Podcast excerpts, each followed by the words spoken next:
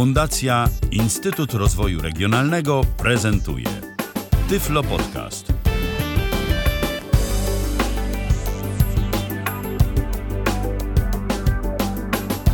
Dzień dobry, dzień dobry. Trzecia audycja z, Tyflu, z cyklu Tyflo Przegląd. Dzisiaj już jest dużo, naprawdę dużo, chyba komplet zdaje się. E, Bo oprócz mnie jest jeszcze Kasia Ślipek, jest Mikołaj Hołysz, jest Michał Dziwisz, jest e, nowy, można powiedzieć, nabytek audycyjny, czyli Piotrek Malicki, Cześć, e, witajcie. jest Paweł Masarczyk, Robert Łabęcki. No i oczywiście ja, czyli Tomek Bilecki. Dzisiaj takim silnym składem siedmioosobowym zaczynamy kolejny Tyflo Przegląd. Oj, będzie się działo dużo dzisiaj tematów, mimo tego, że minął zaledwie tydzień od poprzednich audycji. Tych tematów się nam narobiło chyba no, ponad 10 na pewno. Nie wiem, czy nie 15, ale dużo w każdym razie. Także zapraszamy do kolejnego Tyflo Przeglądu. Oj, będzie się działo. I co? Y, Zaczniemy od y, może tego, co się wydarzyło w związku z poprzednimi jakby audycjami, bo, bo tego tu troszeczkę, troszeczkę, troszeczkę tu się pojawiło. RWTXT, czyli ten serwis, o którym, jakby, y, na którym robimy te różne rzeczy. Zastanawialiśmy się, czy działa na Androidzie. Odpowiedź Tak, jest dość i- prosta. Działa. Działa. Po prostu. Y, Sprawdzone w dwie osoby, Android 8, Android 9, ale oba czyste dość w miarę. Ale Tak, myślę, że tak, jeżeli... No i na przeglądarce Chrome, przynajmniej ja, nie wiem jak ty, Ja też. też Chrome, okej. I jest normalne pole edycji.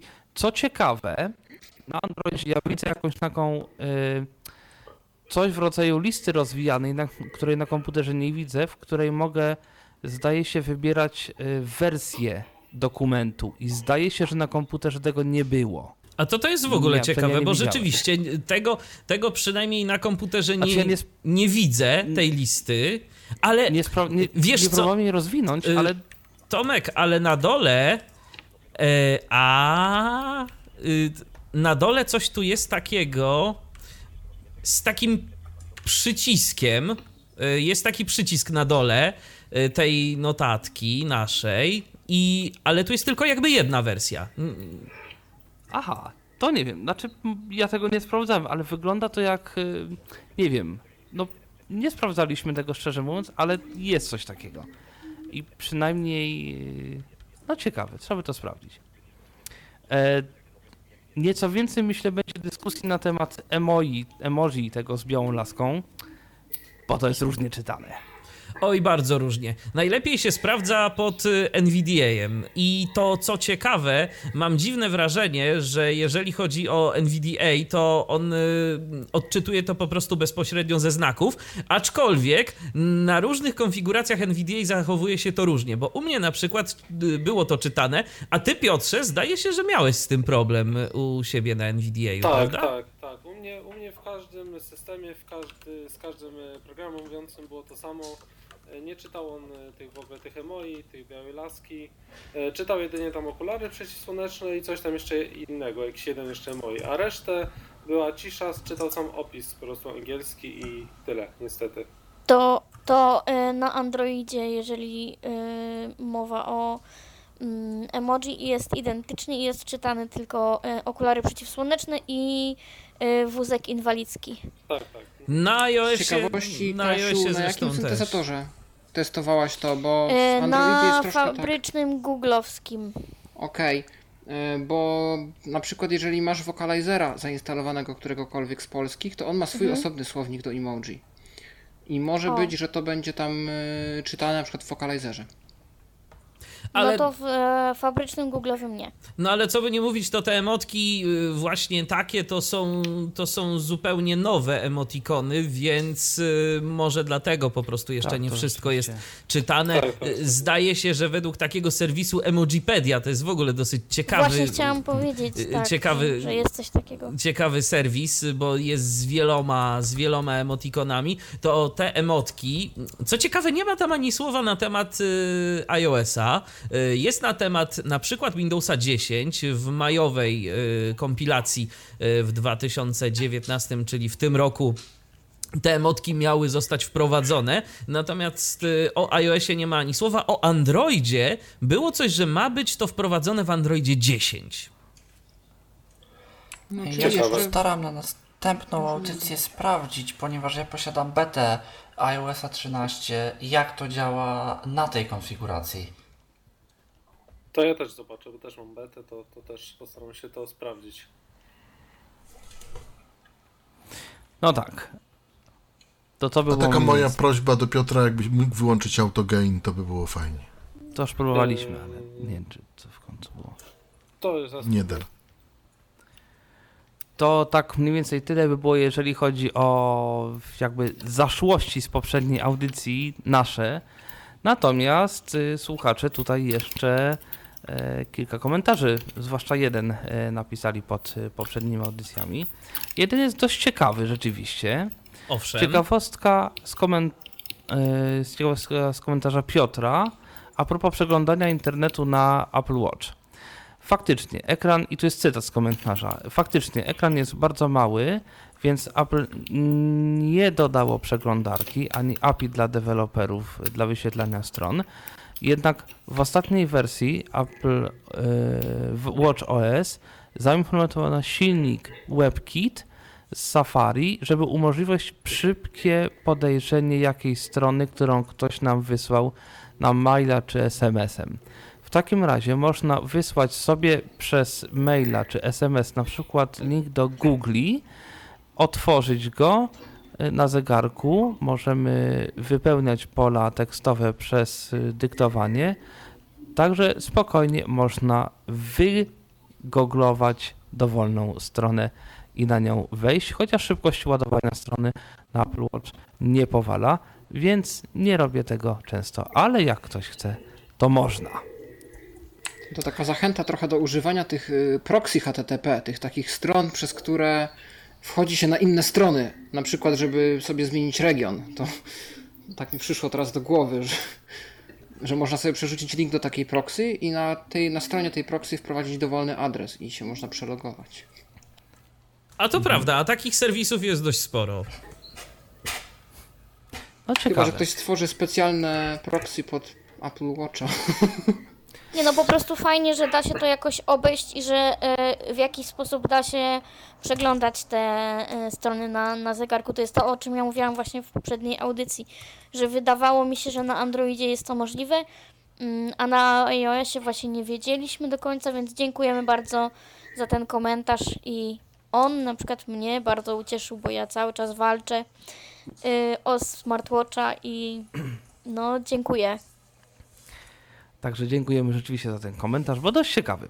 E, prośba jest jeszcze tutaj na nasz adres mailowy mm, o to, żeby zrobić, gdzieś tam wspomnieć na temat działających w tej chwili aplikacji do rozkładów jazdy komunikacji miejskiej na Androida, na iOS-a. Na audycja na ten, nawet kilka audycji na ten temat już było, natomiast rzeczywiście one się ciut zdezaktualizowały. Myślę, że to jest na tyle ciekawy temat, że będzie można ten, o tym zrobić osobną audycję, nawet nie tylko wspomnieć w Tyflo Przeglądzie, no chyba, że się jakaś nowość pojawi. Natomiast y, no, tu rzeczywiście jest, y, jest kilka, zwłaszcza na Androida jest kilka audycji, które działają, na iOS-a też coś tam się pojawiło, więc myślę, że będzie można z czasem zrobić jakieś, y, jakąś na ten temat audycję. I w ogóle myślę, że jeżeli ktoś z Państwa miałby jakiś pomysł na, na temat tego, co można by jeszcze w Tyflo Podcaście zaproponować, no to piszcie oczywiście albo w komentarzach, albo w, jakby w mailu.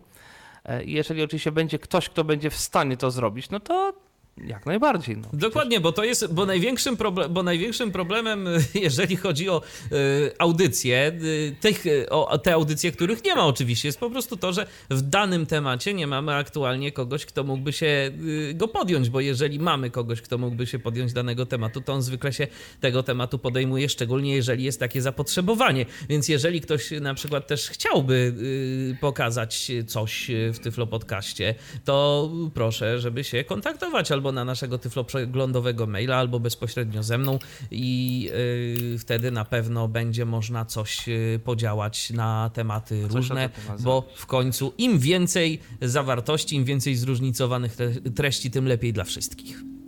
To jest jedno, poza tym no, są takie tematy, na które my byśmy na przykład nie wpadli z różnych przyczyn, a komuś mogłyby się wydać rzeczywiście interesujące, także piszcie naprawdę co was na, na, na, na temat tego, co was interesuje, no bo w, przecież w Tyflu Podcaście chodzi o to, żeby to przede wszystkim było pożyteczne i potrzebne, a nie takie, że to tak nam się tylko wydaje tutaj.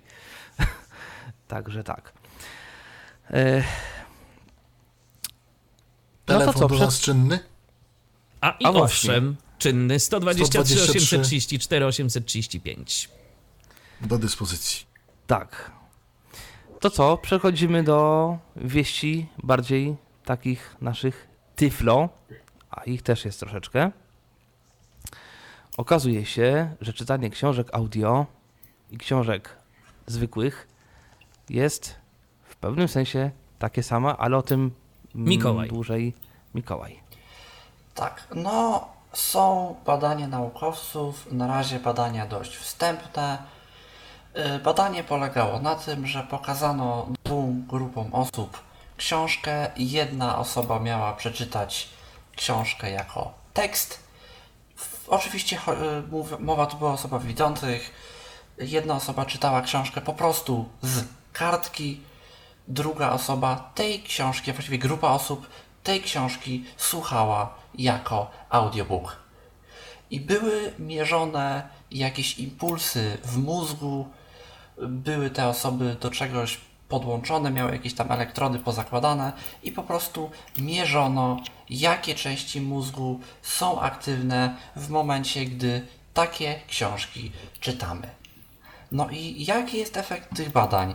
Efekt tych badań jest taki, że słuchanie audiobooków ma mniej więcej, bo to oczywiście jest na razie mniej więcej, taki sam wpływ jakby na mózg, jak czytanie książek zwykłym tekstem, czyli że aktywuje te same obszary, te same obszary są odpowiedzialne za rozumienie, za przyswajanie itd., itd., itd.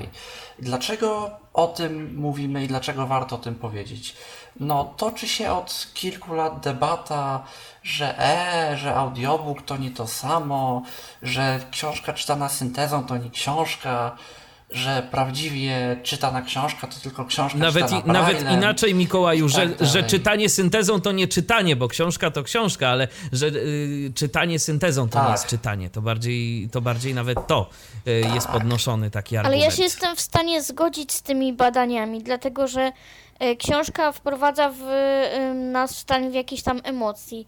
No i czy my te emocje jakby dostarczymy za pomocą czytania, nie wiem, e, fizycznego czy takiego słuchania, no to jakby nie wiem, dla mnie odbiór jest ten sam, no tak? Nie no Jeżeli tak, ale to będzie jakby coś nie dla wzruszającego. tutaj, i tutaj są jakby badania, które potwierdzają ten punkt widzenia. Tylko wiecie co? Ja zastanawiam No więc- się nad jedną rzeczą, bo ja jestem w stanie, to już była nawet taka dyskusja gdzieś tam na e, Facebooku, e, też e, a propos, a propos tego artykułu, widziałem taką jedną dyskusję i oczywiście, no wiadomo, no jedni są, optują za tym, inni, inni za tym, jedni tam się zgadzają, inni nie, ale wiecie co?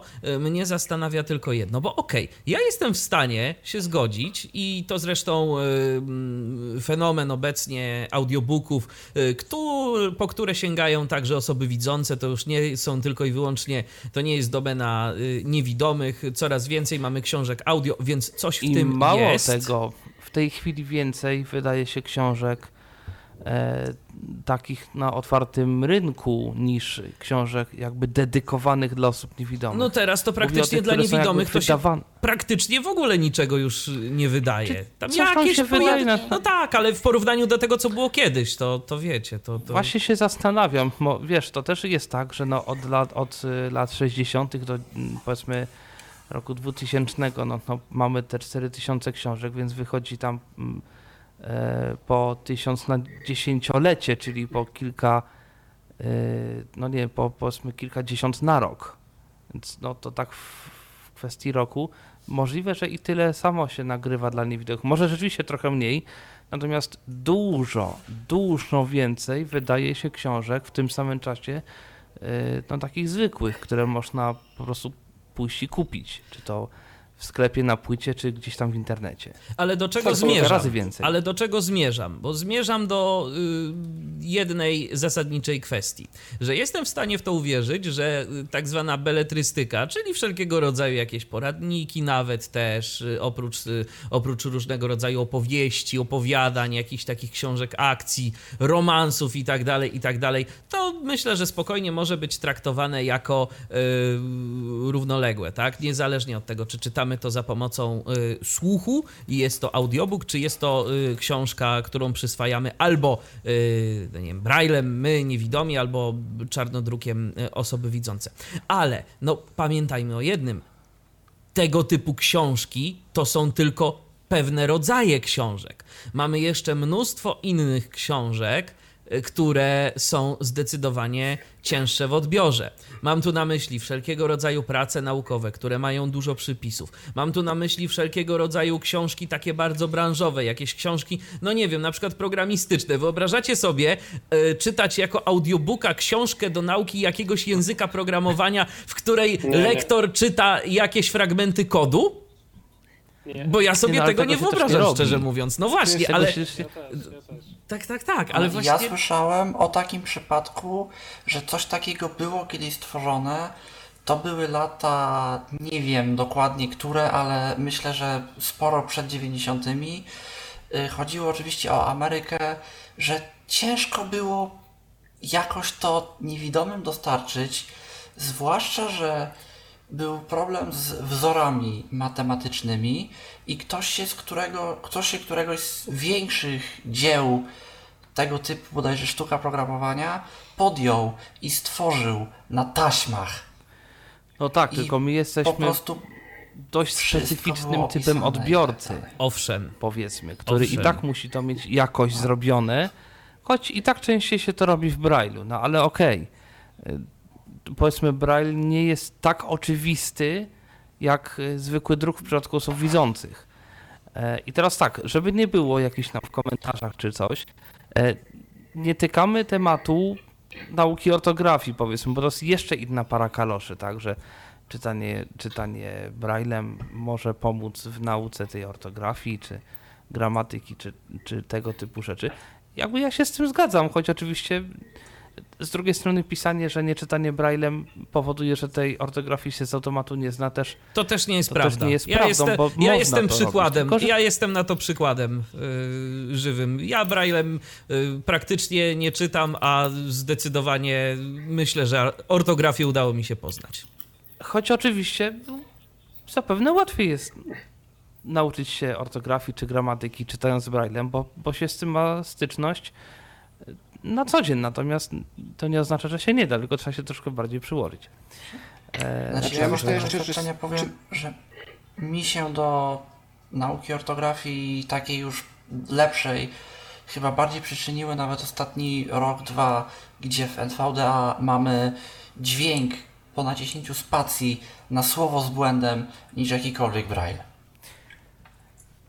To też, ale to chyba też głównie osoby, które tego Braille'a nie czytają. Ale dobra, o tym można naprawdę mówić. O tym można mówić, długo, tak. I mówić, i, i, długo mówić, a tymczasem naprawdę dużo tematów przed nami.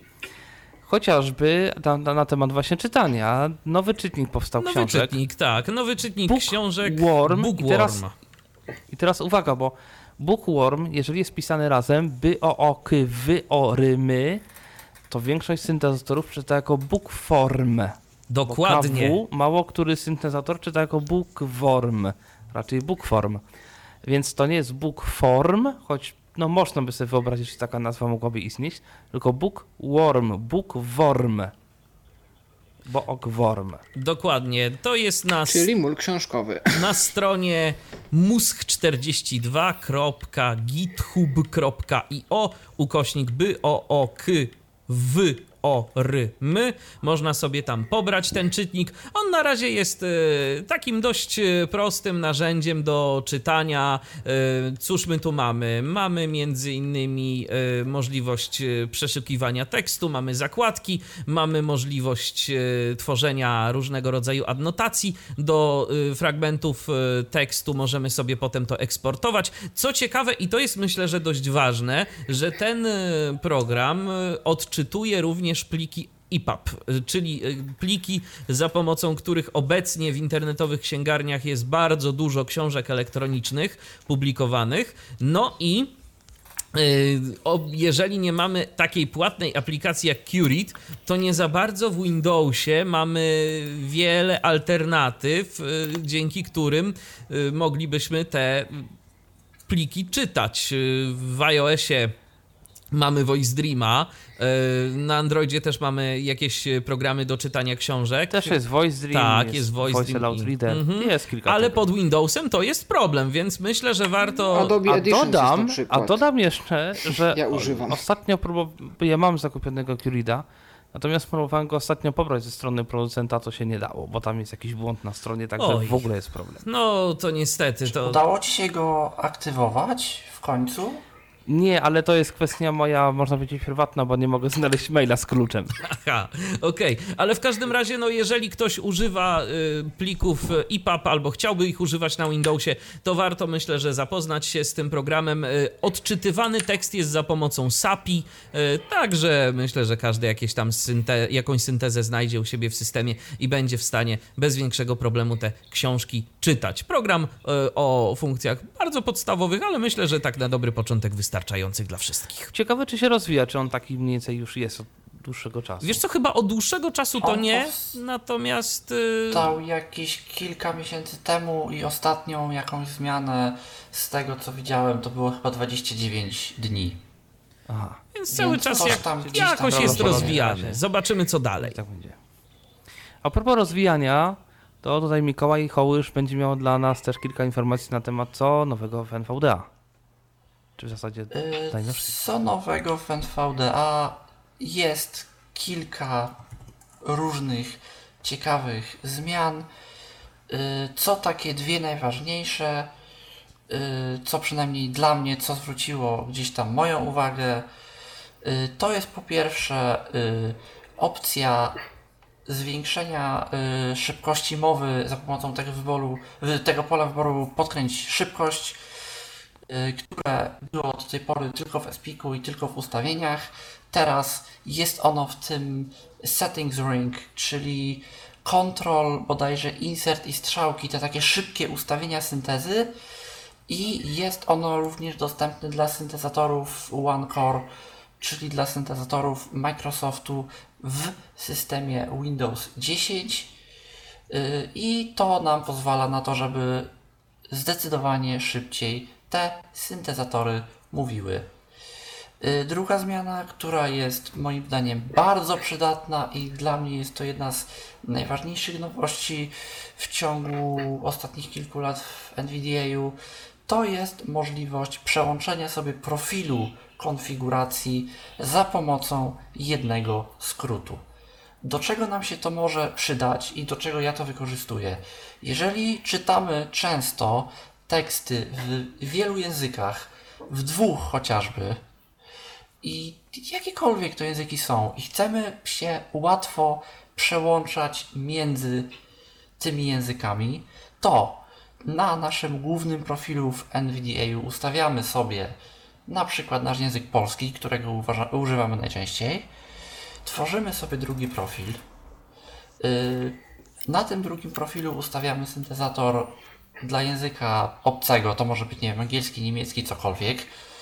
I w ustawieniach w opcji zdarzenia wejścia mamy coś takiego jak profile konfiguracji i tam w tych profilach konfiguracji pojawia nam się polecenie aktywuj profil jakiś tam, jakkolwiek sobie go tam nazwaliśmy. Tam klikamy dodaj, wykonujemy jakieś polecenie na klawiaturze, bądź podejrzewam, że na monitorze brailleowskim lub ekranie dotykowym też byśmy teoretycznie mogli. Yy, No i wybieramy, czy ma ono działać dla bieżącego układu, czy dla obu, i możemy w ten sposób bardzo szybko, bardzo wygodnie przełączać się między syntezatorami mowy i między profilami konfiguracji. Bo to tak naprawdę nie tylko o syntezę mowy chodzi, ale jakakolwiek inna konfiguracja, nie wiem, możemy sobie na przykład zrobić profil korekta w którym będziemy mieli oznajmianie kolorów, tabelek, wszystkiego, co się tylko da dotyczącego dokumentu i tak dalej, i tak dalej. Po prostu naciskamy sobie jeden skrót, jeżeli chcemy edytować dokument i jakoś go bardziej redagować. No i będą A tu się zgodzę. wygląda. tak, Tu się zgodzę, bo y, rzeczywiście jest to na dłuższą metę uciążliwe.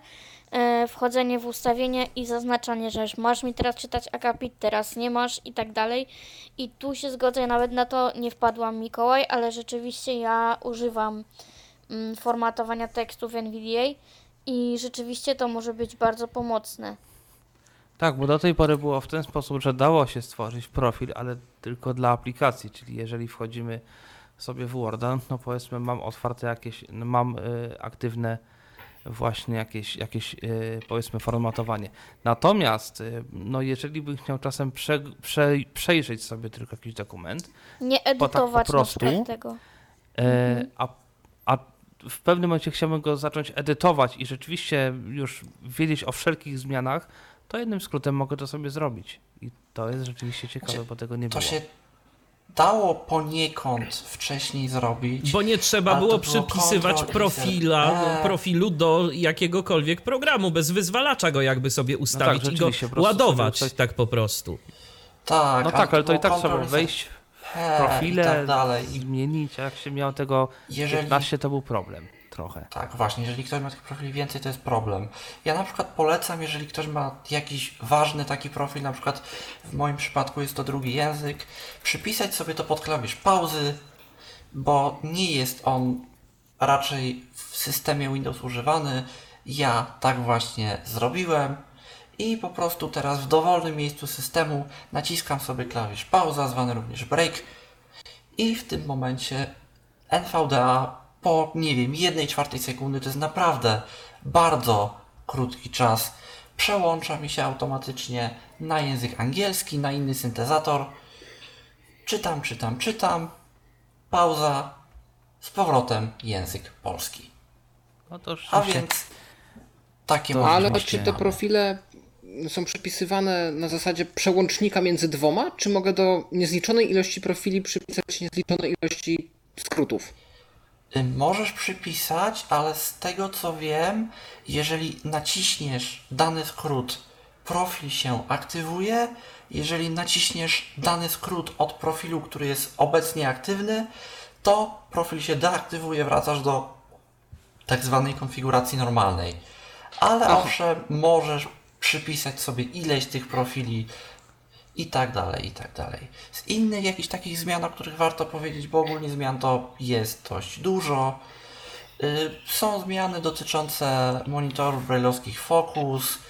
Y, Poprawiono kwestie tam wsparcia kilku klawiszy. Y, Mogą być teraz wykrywane, jeżeli mamy opcję auto, że automatycznie wykryj monitor brailleowski w NVDA zaznaczoną, to teraz NVDA potrafi wykrywać połączenie monitora Focus. Y, Są zmiany dotyczące Mirandy NG. Jeżeli mamy którąś z nowszych wersji, to w tym momencie będzie ponownie już czytana historia, czyli jeżeli otrzymamy od kogoś wiadomość, a jesteśmy w oknie rozmowy, zostanie nam ona odczytana automatycznie i skrótami klawisz NVDA plus albo 1 do 0, albo kontrolem, ale chyba bez. Można no to już odczytywać tylko jedno panie. sobie ostatnie wiadomości. Przy czym ta Ale no- implementacja jest dalej obciążona tymi błędami, którymi była stara, bo jeżeli okno się napełni wiadomościami, tych wiadomości jest nagle dużo, to te funkcje przestają działać. Niestety. I to jest zwłaszcza kłopotliwe w dużych chatroomach. Jeżeli czatujemy na IRC, na Jabberze, na dużej grupie facebookowej, gdzie jest duży ruch, po pewnym czasie musimy to okno albo wyczyścić, albo je zamknąć, otworzyć jeszcze raz, yy, bo inaczej nie będziemy już słyszeć tych zapowiedzi i nie będą te wiadomości wliczane w te 10 ostatnich. Z tym jest jakiś problem. To trochę który nie wiadomo jeszcze jak szkoda, naprawić. Ale to już trudno. E, to co, przechodzimy dalej? Myślę, że Chyba tak. Przechodzimy dalej. zmian E- jest mnóstwo, można by o nich mówić długo, więc Można powiedzieć, ciekawą ciekawostkę tutaj nam przyniósł y, Robert Łabęcki na temat psa przewodnika.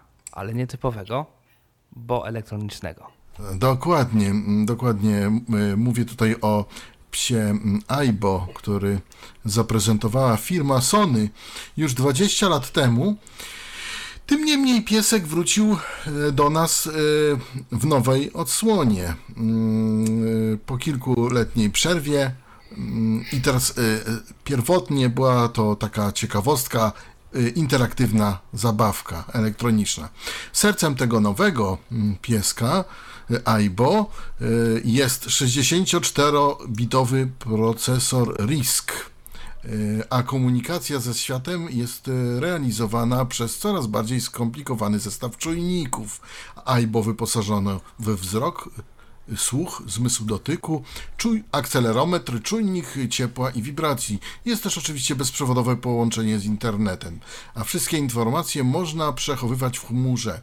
Najnowsze wersje, które zadebiutują na rynku w najbliższym czasie, mają bardzo zaawansowaną kamerę z technologią SLAM. Pozwala ona na tworzenie wirtualnego obrazu 3D, umożliwiającego robotom, y, tym psom, bezbłędną orientację przestrzeni. System sztucznej inteligencji również jest niezbędny, ponieważ psy mają do wykonania specjalne zadania. Do pewnego stopnia będą opiekunami osób starszych czy niepełnosprawnych. Co więcej, w przypadku sytuacji awaryjnej, AIBO potrafi powiadomić odpowiednie służby albo osoby nadzorujące ponieważ ma ciągłą łączność z internetem. Nie trzeba się o niego specjalnie troszczyć, gdy zaczyna mu brakować energii, sam wędruje do źródła zasilania i ładuje akumulatory. Tego typu elektroniczny przyjaciel staje się coraz bardziej popularny w Japonii. Wynika to m.in. z faktu, że tamtejsze mm, społeczeństwo coraz bardziej się starzeje i coraz więcej osób wymaga opieki. E, Ja to zaczerpnąłem z wiedzy i życia. Mm, Ja dziękuję Sylwestrowi za mm, podesłanie tej ciekawostki też. Natomiast e, taka moja malutka dygresja e, z racji tej, że w końcu zajęła się tym e, duża firma, więc może i do Polski to do nas dotrze. Znaczy, może i do Polski to dotrze. To powiem szczerze, ja bym się nawet ucieszył, gdybym miał Różnie coś to bywa, bo pamiętajcie, że Sony i w ogóle te, te wszystkie firmy duże, to mają jednak, co innego jest rynek wewnętrzny japoński, a co jest zupełnie, a zupełnie A co innego innym na eksport? idzie na eksport i ten robot, z tego co wiem, no, do tanich nie należy.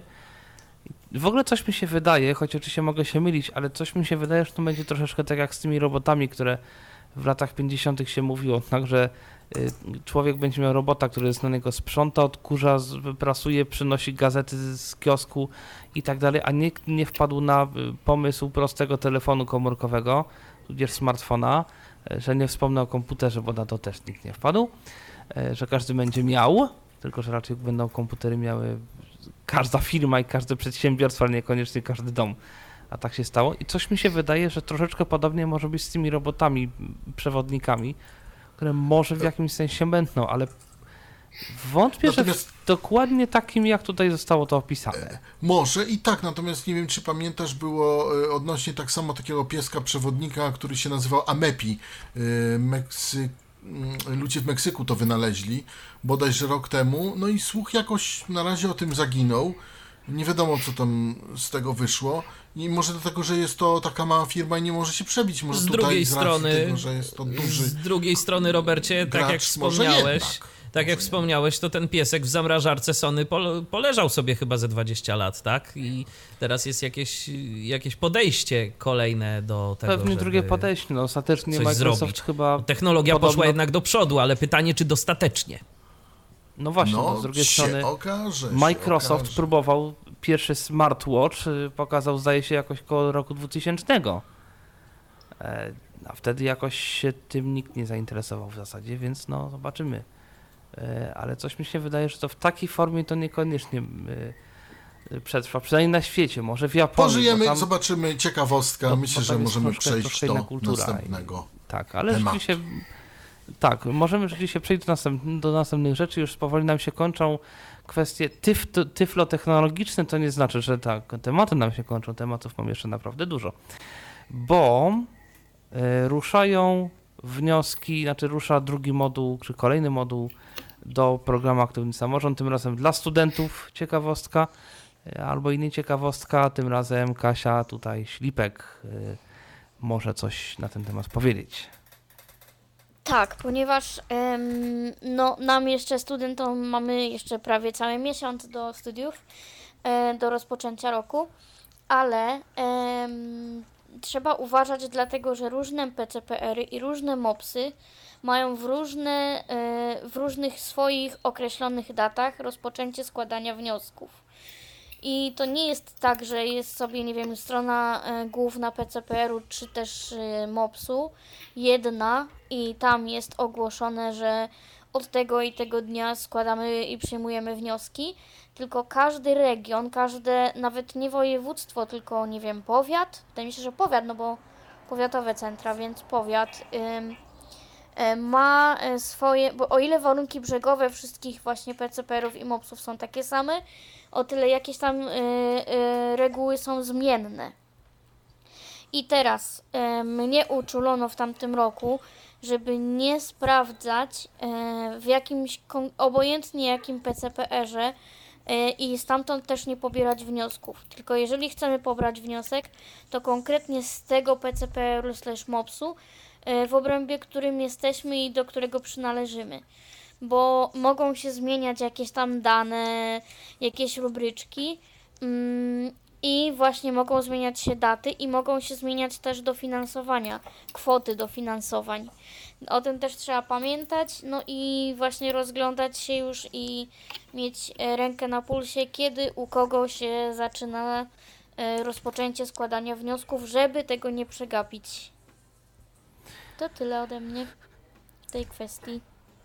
Także studenci A bądźcie mówiąc- czujni. I wiesz, że, a mówiąc jeszcze o kwestiach związanych właśnie z wnioskami, urzędami i tak dalej, bo o tym też warto powiedzieć, pojawiły się wczoraj bodajże na stronie ZUS-u wnioski o świadczenie uzupełniające dla osób niepełnosprawnych, Tak, tak zwane też chcieliśmy 500+. powiedzieć. Plus. Tak, ja Co? sobie taki wniosek pobrałem i to jest Tak, PDF, są, są. ale jeżeli jakby tutaj warto zainstalować Adobe, Adobe, Adobe Readera. Dlatego, że to są wnioski, które zawierają formularz. Jeżeli posiadamy Adobe Reader, to można sobie ten formularz wypełnić osobiście. Jedyne, co będziemy potrzebowali, gdzie będziemy po- potrzebowali pomocy, to osoba, to osoba widzącą trzeba będzie po to, żeby wskazała nam miejsce na podpis. Natomiast y, wszystkie kwestie związane z PESEL-em, datami, miejscowościami i tak dalej można Adobe Readerem wypełnić w dokumencie. Tam są pola edycyjne, gdzie można wpisywać różne rzeczy i, i to teoretycznie działa. Tak, tak, ja też to sprawdzałem i też, też mi dobrze to, to działało wszystko. Tam jest jedna rzecz, która, która jakoś jest y, dziwna, to znaczy daty, które albo ktoś coś zepsuł, albo ja coś zepsułem, ale daty, mimo tego, że mm, wydaje mi się, że wpisałem prawidłowo, system twierdzi, że są wpisane nieprawidłowo. E, Tam oni proszą, żeby wpisać e, datę, w której rok będzie za pomocą czterech cyfr wpisany, natomiast e, u mnie ten rok wpisał się tylko jako dwie cyfry i system stwierdzi, że to jest data, która się nie zgadza z PESEL-em. I czy na pewno chce ją zatrzymać. Także coś tu jest nie tak chyba trochę, ale no zobaczymy, co się z tym będzie działo A czy dalej. są jakieś, em, jakieś takie zagadnienia w tym wniosku, które były dla ciebie trudne, albo jakieś dziwne, nietypowe, z czymś się zderzyłeś? To znaczy ja to też tak przeglądałem mniej więcej, natomiast no wydaje mi się, że tam Pobieżnie. nie ma nic takiego, nie wiem, dziwnego, no tam jest, nie wiem, coś typu rodzaj świadczenia, więc zapewne trzeba wpisać tam e, nazwę, tam, że renta jakaś, renta taka, renta tam, nie wiem, czy rodzinna, czy socjalna, czy jaką Mhm. kto ma. Ale nie pamiętam, żeby tam było coś takiego szczególnie Nie, nie, nie. e, skomplikowanego. Też nic nie widziałem skomplikowanego, same dane podstawowe i No na pewno co to warto warto. i co należy wziąć pod uwagę, to jest to, jakie orzeczenie mamy z ZUS-u, bo możemy mieć orzeczenie o niezdolności do pracy lub o niezdolności do pracy i samodzielnej egzystencji. Jeżeli możemy mieć jeszcze sytuacji, Orzeczenie o, samo, o niezdolności do samodzielnej egzystencji, ale bez e, niezdolności do pracy. Ponoć takie też się zdarzają. Tak. I samodzie- jeżeli mamy w ogóle po prostu wpisane samodzielna egzystencja, to jest dobrze, to świadczenie dostaniemy. I teraz uwaga, mówimy o orzeczeniu z ZUS, nie orzeczeniu o stopniu znacznym z MOPR, PCPR, tego typu organu. I teraz, jeżeli orzeczenia z ZUS z dopiskiem samodzielna egzystencja nie mamy, a takie Znaczy nie samodzielnej, zdarzają. że Ja samodzielnej przykład- egzystencji. Nie, że zdolny. tak. Mhm. Ja na przykład takie przypadki mam. Yy, Ja właśnie taki przypadek mam i mam niezdolność do pracy wpisaną, ale nie ma wpisanej niezdolności do samodzielnej egzystencji. I teraz, podobno można, jeżeli mamy orzeczenie o stopniu znacznym z PCPR-u, to załączyć, do tego załączyć yy, od lekarza bodajże rodzinnego lub okulisty yy, nie później niż miesiąc przed dniem złożenia wniosku, dnia złożenia wniosku dokumentację jakąś medyczną i dokument o naszym stanie zdrowia i jest szansa, że to przyjmą, mogą nas wezwać na komisję, ale różnie to może być. Tylko, że ja dzisiaj rozmawiałem z ZUS-em i ZUS y, twierdzi, że orzeczenie to właśnie PCPR-owskie należy załączyć w oryginale, żadne kopie, odpisy, nawet te z pieczątką i te wykonane tam nie wchodzą w grę, musi być oryginał. I lepiej Ale czy oni nam, jechać... co, co oni z tym orzeczeniem właśnie. później zrobią? y, lepiej właśnie jechać do ZUS-u na miejsce i złożyć to tam, ponieważ oni wtedy sobie ten oryginał zobaczą i coś tam umieszczą, jakby nie wiem, czy oni sobie zrobią kopię czy coś. W każdym razie ten oryginał dostaniemy z powrotem. A jeżeli wysyłamy to pocztą, to będziemy musieli wnioskować, żeby po zakończeniu postępowania nam ten oryginał zwrócili i tak dalej, i tak dalej. Tak przynajmniej mówiła kobieta na infolinii w ZUS-ie. Ile w tym prawdy nie wiem, ale takie informacje otrzymałem z samej instytucji. I też jest napisane, że jeżeli ktoś nie ma takiego orzeczenia, to może się to starać, tylko że oni podobno w takich przypadkach wzywają na komisję i, i trzeba na tę komisję się stawić i sprawdzą, co tam według nich i jak to wygląda. Także jak, to nie jest tak, że jak nie ma, to, to koniec, tylko jak nie ma, to będzie komisja. Podobno. Tak jest No tak, napisane tak. w różnych źródłach. Tak, no tak naprawdę to wszystko okaże się dopiero, podejrzewam, w okolicy października, kiedy to wszystko ruszy, bo teraz y, pojawiło się, pojawił się y, formularz, więc y, można już to wysyłać, ale tak naprawdę cała procedura, ustawa wejdzie dopiero od października, więc wtedy dopiero ta cała maszyna ruszy i, i, i wtedy pewnie wszystko będziemy wiedzieli, jak to wszystko ZUS będzie Jak interpretował. to wszystko wygląda i jak to ZUS tam. W każdym razie, jeszcze wracając troszeczkę do tematu PEFRONu, to o systemie SOW tutaj mamy też kilka informacji od Piotrka Malickiego i również mamy informację, dlaczego, zaraz się dowiemy, dlaczego e, informacja, że 300 powiatów podpisało, e, pod, podpisało Mhm. porozumienie i wdraża system ten SOW. Tak. Dlaczego to jest ważne? O tym teraz Piotrek Malicki. Mhm. E, SOW to jest tak zwany system obsługi wsparcia e, dla osób niepełnosprawnych oraz jednostek, e, które mogą składać różne wnioski o dofinansowania do PFRON-u.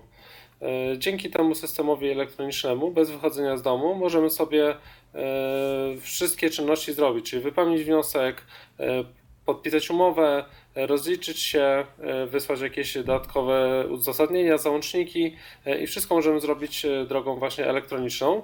Potrzebny nam jest do tego profil zaufany na platformie e, żeby, żeby to zrobić. Ym, No i właśnie Pefron ogłosił, że podpisał już ponad 300 porozumień z jednostkami właśnie terytorial- terytorialnymi e, i że 380 powiatów e, już taki system e, posiada i dzięki temu można e, w tych powiatach może składać wnioski z, nie wychodząc z domu e, przez, przez internet. Myślę, że to jest dobre rozwiązanie. Nie wiem, czy ktoś z Was e, testował ten system już? Chyba nie. Nie, ja, No ja nie, jeszcze bo, nie. A jak można sprawdzić, jak można sprawdzić, że nie wiem, mój PCPR ma No myślę, że to trzeba wejść na stronę PCPR-u, y, PCPR-u tak, y, dane, da- z danych powiatu i, i tam myślę, że taka informacja w aktualnościach na pewno powinna być, tak, że, że podpisali tą, to Albo porozumienie. tam, albo może wpisać SOW i twoją Tak, albo na główną gminę. stronę, tak. Może. Tam pewnie na pewno będzie taka informacja. Ewentualnie w ostateczności zawsze można się po prostu z nimi jakoś skontaktować i, Tak, i takiej, i tak, takiej tak. odpowiedzi pewnie też udzielą. Dokładnie, dokładnie. Tak, z takich jeszcze naszych y, niewidomych, można powiedzieć, wieści, a propos jeszcze czytania sobie wrócimy do tematu. Dość dużo nowych książek pojawiło się w, do działu zbioru dla niewidomych, czyli DZDN, DZDN. Ponad 2080 książek i w zasadzie o tym też Piotrek Malicki. Tak, tak. Mhm.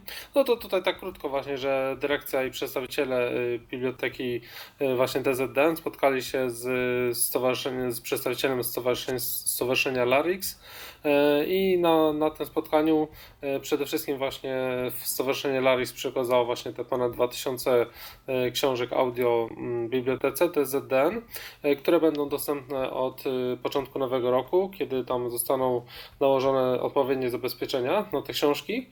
E, No i były też rozmowy o dalszej współpracy, więc e, pewnie za jakiś czas, e, co jakiś czas będzie Stowarzyszenie Larix przekazywało jakieś książki do, do biblioteki DZDN.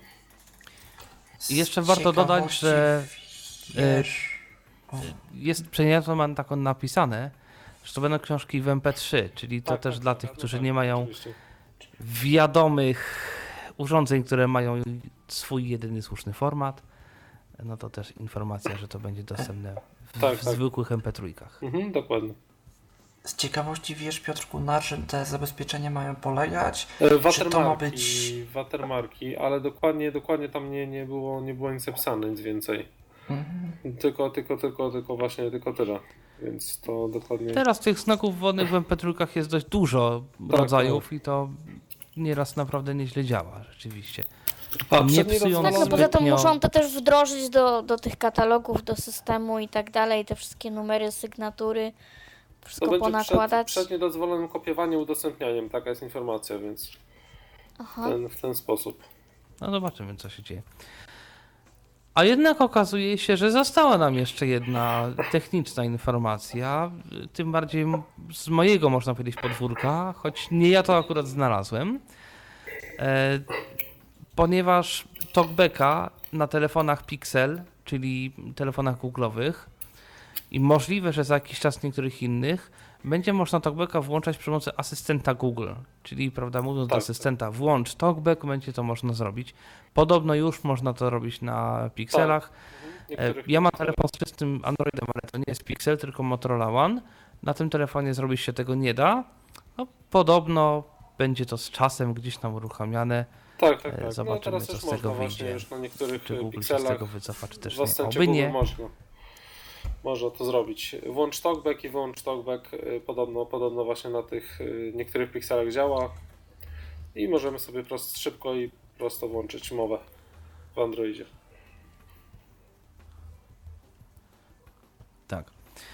E, Jeszcze z tyflowieści takich e, bardziej trochę lokalnych, chociaż stolica, zawsze stolica. Urząd Pracy w Warszawie ogłosił dla osób niepełnosprawnych nabór wniosków na podjęcie własnej działalności gospodarczej, gdzie można dostać do, uwaga, 45 tysięcy złotych na otworzenie własnej działalności gospodarczej. Tak, tak. o tym też dokładnie. Piotrek. Mhm. Tak, dokładnie. Więc jeżeli, jeżeli ktoś ma właśnie taki pomysł na założenie, założenie własnej działalności, e, musi być oczywiście zarejestrowany w Urzędzie Pracy jako bezrobotny albo poszukujący pracy. E, może starać się o takie dofinansowanie do Urzędu Miasta, które jest sfinansowanie, finansowane przez PEFRON e, i może otrzymać do 45 tysięcy złotych dofinansowania do własnej firmy działalności. A tymczasem, słuchajcie, mamy telefon, więc proponuję, żeby go odebrać. Halo, kogo witamy? Witam, Krzysztof Ilczuk z tej strony. E, Chciałem Witamy. poruszyć taką kwestię aplikacji, która się e, aktualizacje pojawiły ostatnio nowe. Między innymi tutaj była mowa o Envision AI w ostatnim chyba audycji, z tego co kojarzę. Ta promocja się niestety już skończyła. Już patrzyłem, teraz są te ceny wróciły do takiej, że tak powiem, najwyższego poziomu. A czyli jednak. Ale tak. Czyli po- jednak. Tak, tak. Jed, Ja się, Androida ja, się jeszcze, ja się jeszcze załapałem, szczerze mówiąc, i tu zresztą obecny także kolega Robert też się załapał. Jeszcze w niedzielę e, ta promocja niedzielę jeszcze była. promocji. Tak, jeszcze, jeszcze była, Tak, ale teraz jeszcze, w, pon- widać... jeszcze, w, jeszcze w pon- Mhm. jeszcze tak w poniedziałek chyba rano to jeszcze było, ale później się tam coś zmieniło. E, Ale tak, nie wiem, czy to Ale ja ktoś sprawdzał, ale jest... te aplikacje, ja testując te aplikacje, ale nie mając zamiaru jej kupować, dostawałem mnóstwo powiadomień, że uwaga, promocja się kończy, jeszcze tylko kilka dni, Tak. jeszcze tylko kilka godzin i tak dalej, i tak dalej. ja, ja, ją, to ja, ją, było, kupi, ja ją kupiłem i też dostawałem. Aha, Ja po, ja, po, ja po zakupie już dostawałem, że żebym jeszcze skorzystał, no ale to tak już jest. E, Też jest taka nowa wersja tej, później chyba. Tak, tak, tak. Jest taka, jest taka aplikacja e, Daily via Opta. Ona była taka poprzednio kiepska, to, kiepsko to działało i w tym momencie wyszła chyba z tydzień temu nowa wersja tej aplikacji. Tam jest taki prosty OCR, z tym, że to y, polega na tym, że trzeba tapnąć ekran, nakierować na jakiś tam tekst i to też czyta. Nie wiem na jakim to jest silniku, szczerze mówiąc. Y, I jeszcze jest taka aplikacja, się nazywa Speak trzeba wpisać w Google Playu. Y, To niestety jakoś Tak, maszynowo Androida, tłumaczone tak, i. Speak. tak, i, i, i to też działa jakoś, tylko tam niestety nie niestety maszynowo tłumaczone, jest niestety y, kiepsko jeszcze ta aplikacja przetłumaczona. Tam na przykład zamiast skanuj to jest skanduj, coś takiego wpisane, ale też dla takich Tak, i są aplikacja się nazywa aplikacje. Mówić. Tak, mówić, one tak, tak, tak jest przetłumaczone rzeczywiście. E, I no i takie jeszcze rzeczy na Androida to mogę jeszcze powiedzieć, że y, mm, zmienił się sklep Google Play, nie wiem czy to o tym ktoś już mówił jeszcze kiedyś, ale y, zmienił się trochę nie- niedobrze, bo y, zawsze było tak i fizycznie jak się patrzy okiem to wygląda to tak, że na górze w górnym prawym, górnym lewym rogu jest ten przycisk, y, y, co się wchodzi w te menu takie tam rozwijane, to się wchodzimy sobie do naszego tam konta itp. itd. A fokus y, talkbacka, on widzi go na końcu i ten i te pole edycji, które zawsze było na początku, widzi go na końcu niestety, a ona fizycznie jest na ekranie na górze. Niestety mam nadzieję, że kiedyś to po- poprawią, no ale Znaczy w ogóle aktualizacja sklepu Play to jest coś, czego nie rozumiem, dlatego że miałem dwa telefony, na dwóch telefonach różnie to się aktualizowało. I mam wrażenie, że tutaj panowie jakoś nie opanowali tego, tego całego procesu i to działa im trochę jak chce. a na już wszystkie trochę- chyba dostały niestety. Mnie niepokoją trochę dwie inne rzeczy w sklepie Play. Po pierwsze, u mnie coś takiego wystąpiło, że nawet jak wejdę w szczegóły aplikacji, ale nie w więcej informacji, tylko w ten ekran, na którym mogę odinstalować, otworzyć, zobaczyć podobne, zobaczyć zrzuty ekranu, tam, gdzie jest y, changelog, gdzie jest lista zmian, ona się łamie w pół. I żeby ją przeczytać, muszę wejść jeszcze głębiej, muszę kliknąć w tą złamaną listę, tą taką skróconą i wtedy się dopiero pokaże pełna. Ciekawe. I to jest Ale pierwsza tak rzecz, zgadzam się tutaj zgadzam się tutaj z panem, że teraz tak zrobili, bo ja też e, sprawdzałam i rzeczywiście ona jest tak, że trzeba się przesunąć jeszcze raz w lewo i ona wtedy rzeczywiście jest nie na początku, tylko na końcu. Na końcu, E, tak. taki tryb właśnie, tak. To się No nazywa to mm, rzeczywiście. To... przegląd nawigacji, szaf, szuflada nawigacji, coś Tak, takiego, tak, tak, ale, ale, ale, wiem o co chodzi. fizy- ale fizycznie, fizycznie jest na górze. Jak się patrzy okiem, to ona jest tak jak była nadal, tylko Mhm. ten fokus czyli skacze po prostu jakby coś po tym programistycznie zostało zmienione. Pytanie w Tak. ogóle dlaczego i Mhm. jaki Tak, to ma tak. sens. całym. No, no, no właśnie Druga tak, ja rzecz, się która- zastanawiałem. która nadchodzi teraz i ja jestem ciekaw, jak to Google rozwiąże. Ponoć mają być automatycznie odtwarzane filmy prezentujące daną aplikację. Mają być te filmiki takie tam Google pozwala zamieszczać na YouTubie Tak, czy gdzieś. Takie Zwiastuny, krótkie tak. Dokładnie, zwiastuny. I to ma się zacząć niedługo odtwarzać automatycznie. I Google nie podaje zbyt wielu szczegółów, czy z dźwiękiem, czy bez, czy jakoś bardzo inwazyjnie to się pojawi, czy nie, czy dla celów dostępności będzie przełącznik, żeby to wyłączyć, bo na Facebooku na przykład takie coś jest, czy na Twitterze. Tu nie ma, albo nie wiadomo jeszcze, czy jest, więc to jest zmiana, której też się troszeczkę obawiam. No zobaczymy. Będzie news na Tyflo Przegląd. swego Znaczy, czasu taką, po taką ostatnią rzecz, jeszcze ostatnią rzecz chciałem powiedzieć i rozłączę, żeby już tu nie przeszkadzać. E, To nie wiem, czy ktoś o tym już wspominał kiedykolwiek. e, Pojawił się ten e, kanał beta Microsoft Edge'a na Chromium.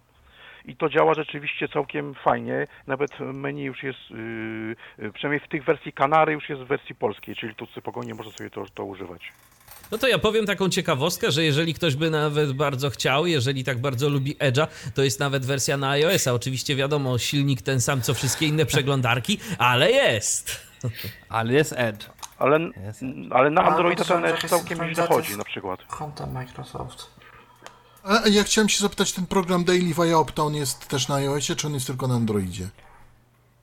On jest Może na iOSie, ale jest, tym kiedyś- jest, być ale, ale nie wiem, czy oni go aktuali, uaktualnili tak, jak tutaj na Androidzie, szczerze mówiąc, tego nie wiem.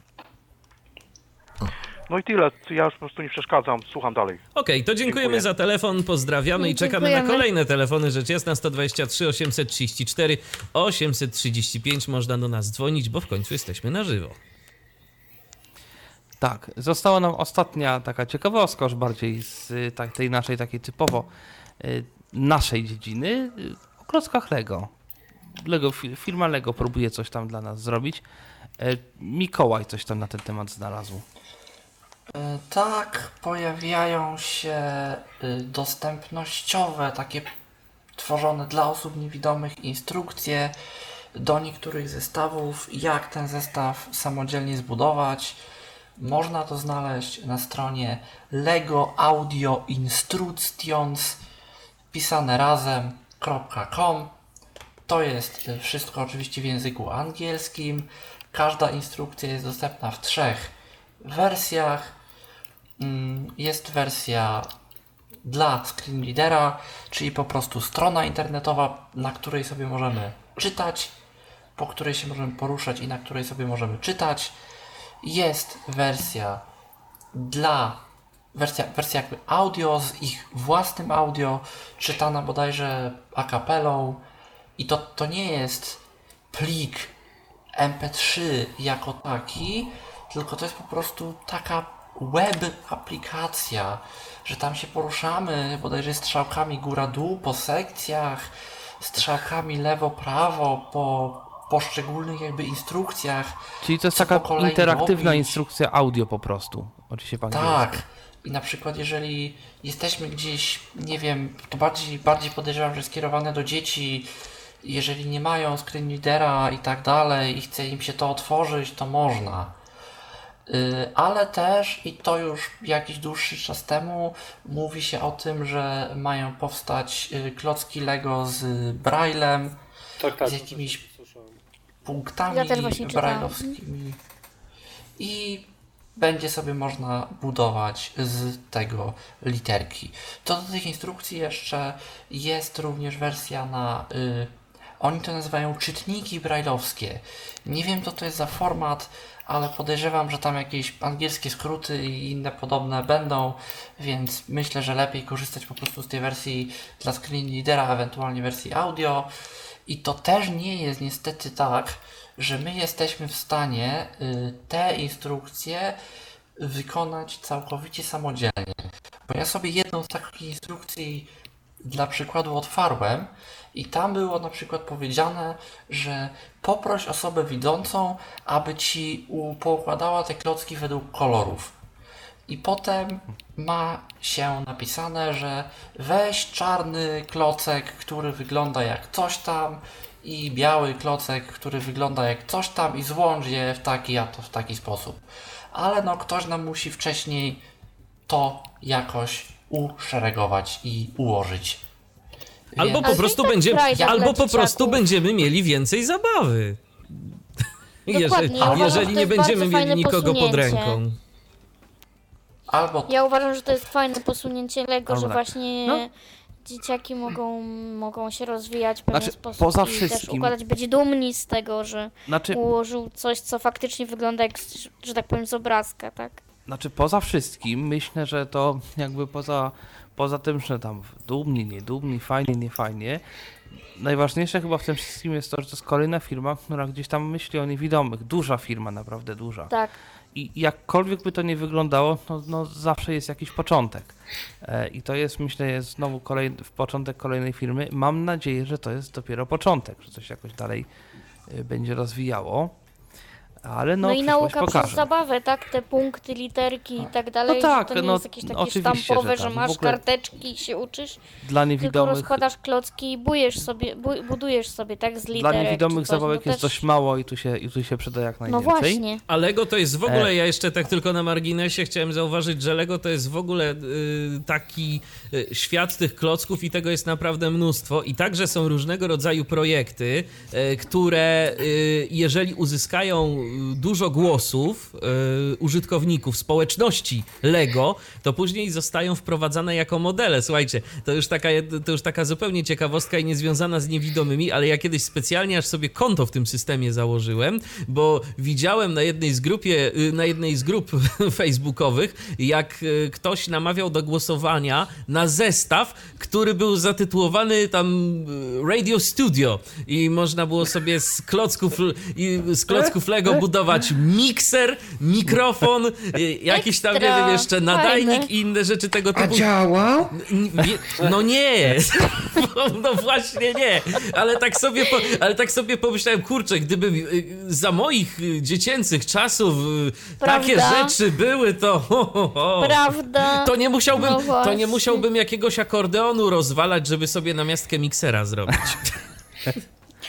Cóż, to tak a propos, jak Ale już jesteśmy o przy tym trendzie nie technologii, właśnie Aha. dostępności yy, o, o dużych firmach, to to jest w ogóle ostatnio w ciągu kilku lat, może nawet miesięcy, taki ogromny trend, bo i właśnie to widać wśród gier i wśród wielu, wielu różnych typów firm, że przy okazji tej wielkiej fali równości LGBT i tak dalej, i tak dalej, niepełnosprawni i dostępność też się gdzieś trochę bokiem, ale w to wszystko zaczęła wliczać i my też jesteśmy traktowani jako grupa, której należy trochę pomóc i dla której warto byłoby coś zrobić.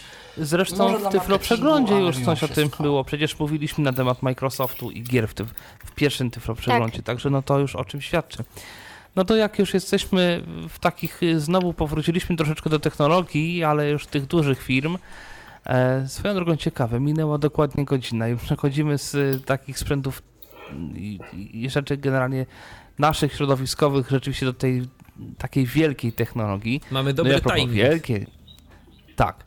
I a propos wielkiej technologii, no to na początku podejrzewam to, na co naprawdę dość dużo, duży procent słuchaczy e, Tyflo Podcastu czeka, czyli na 10, na 10 września, kiedy to Apple zrobi z powrotem, jak co roku, swoją wielką Tak, konferencję. iPhone'a.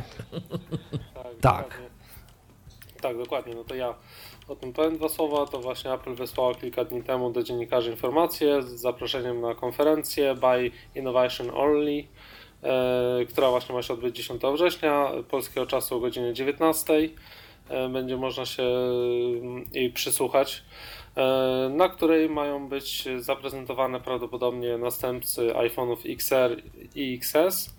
E, oraz e, najprawdopodobniej nowy model zegarka Apple Watch e, piątej generacji, z tego co, z tego, co, co jest powiedziane. Oprócz tego no, mają być też podane daty, kiedy bę- będzie oficjalna premiera najnowszych systemów, na przykład macOS Katarina czy iOS 13, tak, który też ma przynieść dużo zmian dostępnościowych dla, dla VoiceOvera dla osób niewidomych. E, Więc już za tydzień dokładnie będzie można się z tymi nowościami zapoznać, posłuchać co, co tutaj będą prezentować i nam proponować nowego. I myślę, że na Tyflo A Przeglądzie też wiadomo tam już coś? Jakieś ploteczki, wspomnieć. że nie wiem, że telefon będzie miał to czy tamto, albo będzie się różnił tym czy Przecieki tamtym. zawsze są. Ploteczek- wyciekło, no właśnie. Słuchajcie, Ploteczek jest jest, dużo, ploteczek jest dużo, Dużo ale jest. oficjalnie jeszcze No nic nie właśnie, zostało nic. Jeszcze nie wiadomo nic, także Tak, zobaczymy, więc- Znaczy nie zobaczymy, co będzie. Znaczy, ja myślę, że rzeczywiście można by- często jedna drugiej zaprzecza. Tak, y, myślę, że można by w, za takim tym Tyflo przeglądzie za tydzień wspomnieć o tym, co tak mniej więcej się działo, natomiast podejrzewam, że jak zwykle co roku będzie szczegółowa audycja na temat Tak, na e, temat rzeczywiście nowości w iOSie nowości. y, Ale w zrobimy, Tyflo bo... Przeglądzie myślę, że dla tych, którzy jakby chcieliby tylko tak mniej więcej poznać to, co absolutnie najważniejsze, myślę, Tak, że co można wyszło by po prostu. Pewnie, pewnie. coś y, powiedzieć. Natomiast co, przechodzimy do konkurencji może, z kolei do Microsoftu, bo rzecz ciekawa, w teście AV, tak to się, Mhm. tak to się AV Tak, test, AV test. Mhm.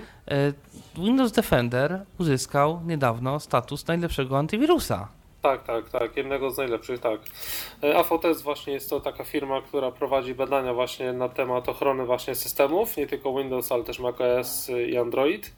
E, I już Windows Defender w zeszłym roku, na wiosnę, w, właśnie w 2018 roku, e, miał 100% skuteczności, wykazywał.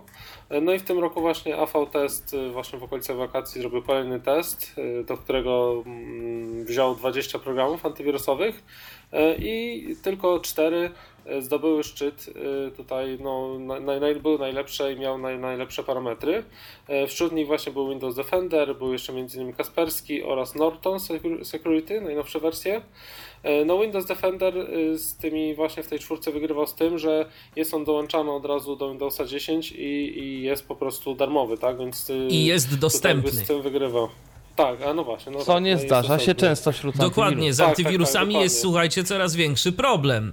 Yy, I o ile No, tak, już tak. antywirusy nie, inde- nie identyfikują programów odczytu ekranu jako potencjalne zagrożenie, a zdarzało się się, zdarzało? Tak było, owszem, tak było, tak też yy, tak tak teraz po prostu antywirusy mają coraz to większy problem, yy, jeżeli chodzi o dostępność interfejsów. Tak naprawdę to mamy wybór teraz, w dzisiejszych czasach, yy, między yy, Gedatą i yy, Defenderem, bo za bardzo, No, tak, tak. bo tak. za bardzo nic współczesnego, yy, dobrze działającego z czytnikami ekranu nie ma. Chyba, że ktoś coś ostatnio odkrył, to jeżeli tak, to dajcie No nam niektórzy proszę znać. Kasperskiego ponoć używają i to No. jako, jakoś się da. Pytanie, jak bardzo jakoś. Podobno. Nie No wiem. tak. Pojęcia nie wiem, nie mam, nie używam. Tak, tak, tak. Ale Może ktoś z słuchaczy ma napisze komentarz na ten temat. Temu wszystkiemu też nie ma się co dziwić, bo tak naprawdę jeżeli no, screenreader jest zewnętrznym programem, który uzyskuje w ten czy inny sposób przez jakieś systemowe interfejsy dostęp do tego, co w tych oknach antywirusów się dzieje. I jeżeli odblokujemy, że tak powiem, nie będziemy takiemu dostępowi zapobiegać, to z jednej strony screenreader, ale z drugiej strony no wirusy. Mikołaju, a ja się dziwię, wiesz dlaczego? Ja się dziwię, bo screenreaderów tak nie ma aż nie wiadomo jak wiele. Screenreaderów to są raptem w dzisiejszych czasach y, powiedzmy trzy dla Windowsa. Y, No, z systemowym narratorem to będą cztery, bo to jest NVDA, JAWS, HAL y, i właśnie narrator. I czy naprawdę jest to tak wielki problem, żeby twórcy programów antywirusowych zrobili wyjątki na tego typu aplikacje? No chyba Nawet jednak jakieś nie. kody czy cokolwiek, tak? Tylko wiesz, y, ten interfejs nie musi być blokowany jako blokowany. On może być po prostu projektowany specjalnie pod to, żeby trudno było w jakiś sposób w ogóle go przechwycić po prostu od zera. Nie wiem, na przykład nie używać kontrolek Windowsowych jako takich przycisków, wyboru i tak dalej, tylko po prostu rysować elementy na, na pikselach, na ekranie.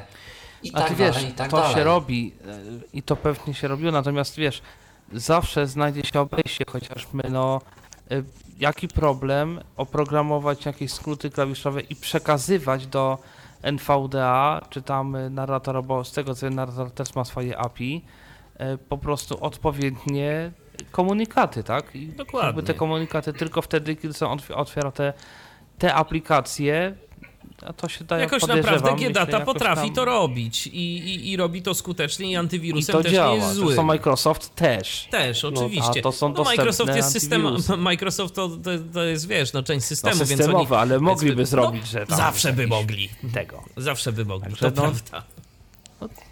Jak się chce, to się da. Po no, prostu. Dokładnie, dokładnie. Owszem. Ale warto Tak korzystać. E, tak. ym, jeżeli już mówimy o antywirusach i o wirusach, to jest ostrzeżenie. CERT Polska ostrzega. Tak, tak. Mhm.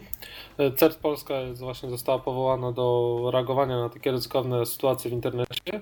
E, No wiadomo, tych włamań do różnych e, próbowań, próbowania się włamania na konta bankowe ostatnio jest dużo i przez telefony, i przez inne, przez dzwonienie, i przez kody SMS. e, Jest dużo na to metod.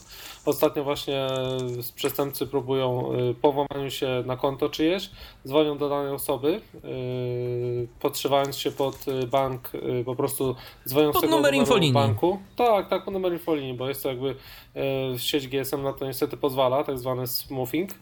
Yy, I dzwonią właśnie, proszą o kod SMS, aby ustalić odbiorcę zaufanego, dzięki czemu później mogą zrobić yy, po prostu przelew na, na swoje konto, tak, i okraść nasze konto bankowe. Dlatego yy, no, nie należy podawać nigdy przez telefon żadnych wiadomości, żadnych właśnie danych bankowych, czy kodów SMS, czy haseł. Tak samo mailowo nic nie należy, nic nie należy, w nic nie należy wierzyć i trzeba się kontaktować po prostu bezpośrednio z bankiem, aby się upewnić, czy to jest yy, no po prostu legalne. i prawdziwe. Zwłaszcza jeżeli jest to połączenie przychodzące, bo czasem oczywiście Tak, zdarzy się tak, że y, musimy podać jakiś tam powiedzmy kod, ale to kiedy my nawiązujemy połączenie Tak, z tak, infolinią tak, my coś banku robimy, i dokładnie, kiedy my coś robimy i czasem konsultant może nas poprosić, że proszę podać te, Tak, jakiś tak, tam kod oczywiście. SMS-owy, który teraz do pana przyszedł. I to okej, ale to w sytuacji takiej, kiedy to my nawiązujemy połączenie nigdy Tak. w drugą stronę. Dokładnie, Bank dokładnie, nigdy dokładnie. do nas nie będzie dzwonił i nie będzie prosił nas o podanie jakiegokolwiek kodu SMS. I to proszę sobie, drodzy Państwo, wbić do głowy raz na zawsze, bo skutki mogą być yy, tego naprawdę opłakane. yy, I po prostu yy, Tak, i możecie dokładnie. stracić pieniądze. Tak samo a propos takich różnych yy, sytuacji, to też słyszałem ostatnio o mm, pomysł bardzo prosty. E, mianowicie różnego rodzaju instytucje, kiedy padają ofiarą ataku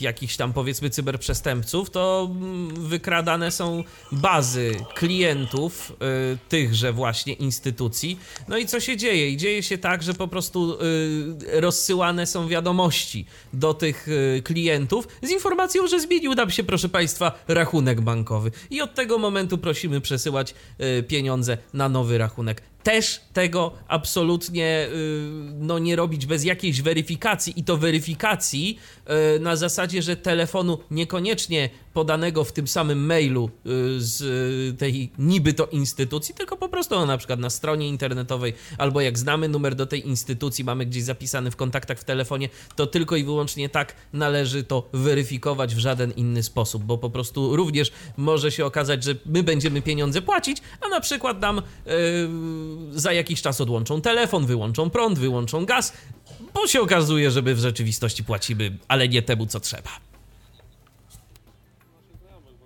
Przypadki, że włamują się na konta społecznościowe i proszą po prostu naszych znajomych o y, poratowanie w trudnej sytuacji, tak? I żeby im wysłać kod blik.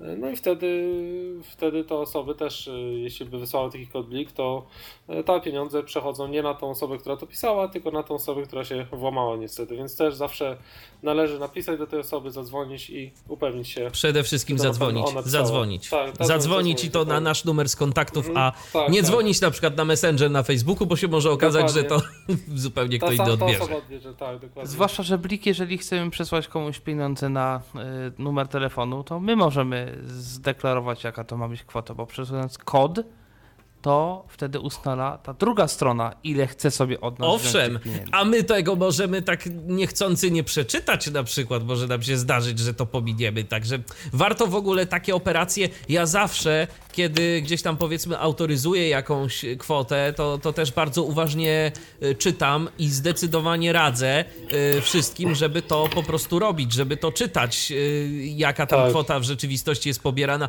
i na ile my tę płatność autoryzujemy, bo to też może być różne. Tak, bo to, tak. jest różnie, tak, dokładnie. Trzeba czytać dokładnie wszystkie powiadomienia, bo, bo żeby później nie było kłopotów. Tylko tu jest mały problem. Jest jeden problem. Tam Ciekawe, mamy czy- 30 sekund na Dokładnie. autoryzowanie płatności. Oj, I tu tak. jest Jeżeli- problem. Ogromny, to bo ja moim mam na zdaniem przykład... powinniśmy się niestety wszyscy wziąć i zacząć pisać, dlatego że 30 sekund, zwłaszcza dla osoby, która ma problem z wpisywaniem tym jakiegoś pinu, czy, czy tam różnym te hasła. No właśnie, bo jak ma to ktoś też- wielocyfrowy, Bo to też w tych 30 sekundach trzeba zrobić. Niestety często gęsto nie ma czasu na to, żeby to porządnie zrobić. I się wtedy, dobra, dobra, szybko, szybko, bo, bo zaraz y, skończy się czas. I niestety to musimy ruszyć, bo będzie problem.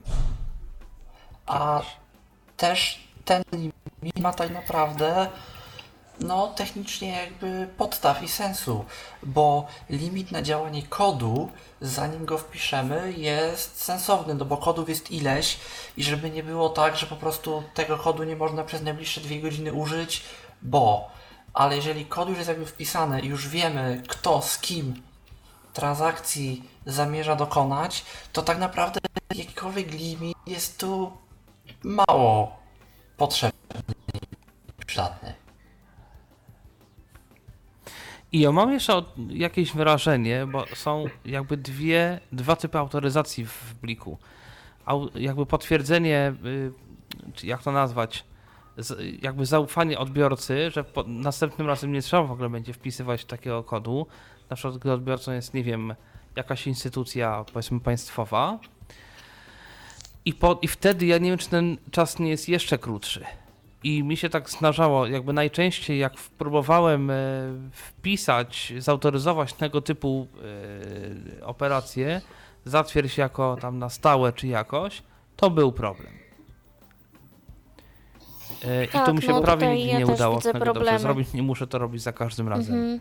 inaczej, bo ja mam dość długi ten pin. Mhm. No to tak, Ja to, to też. są problemy. Niestety.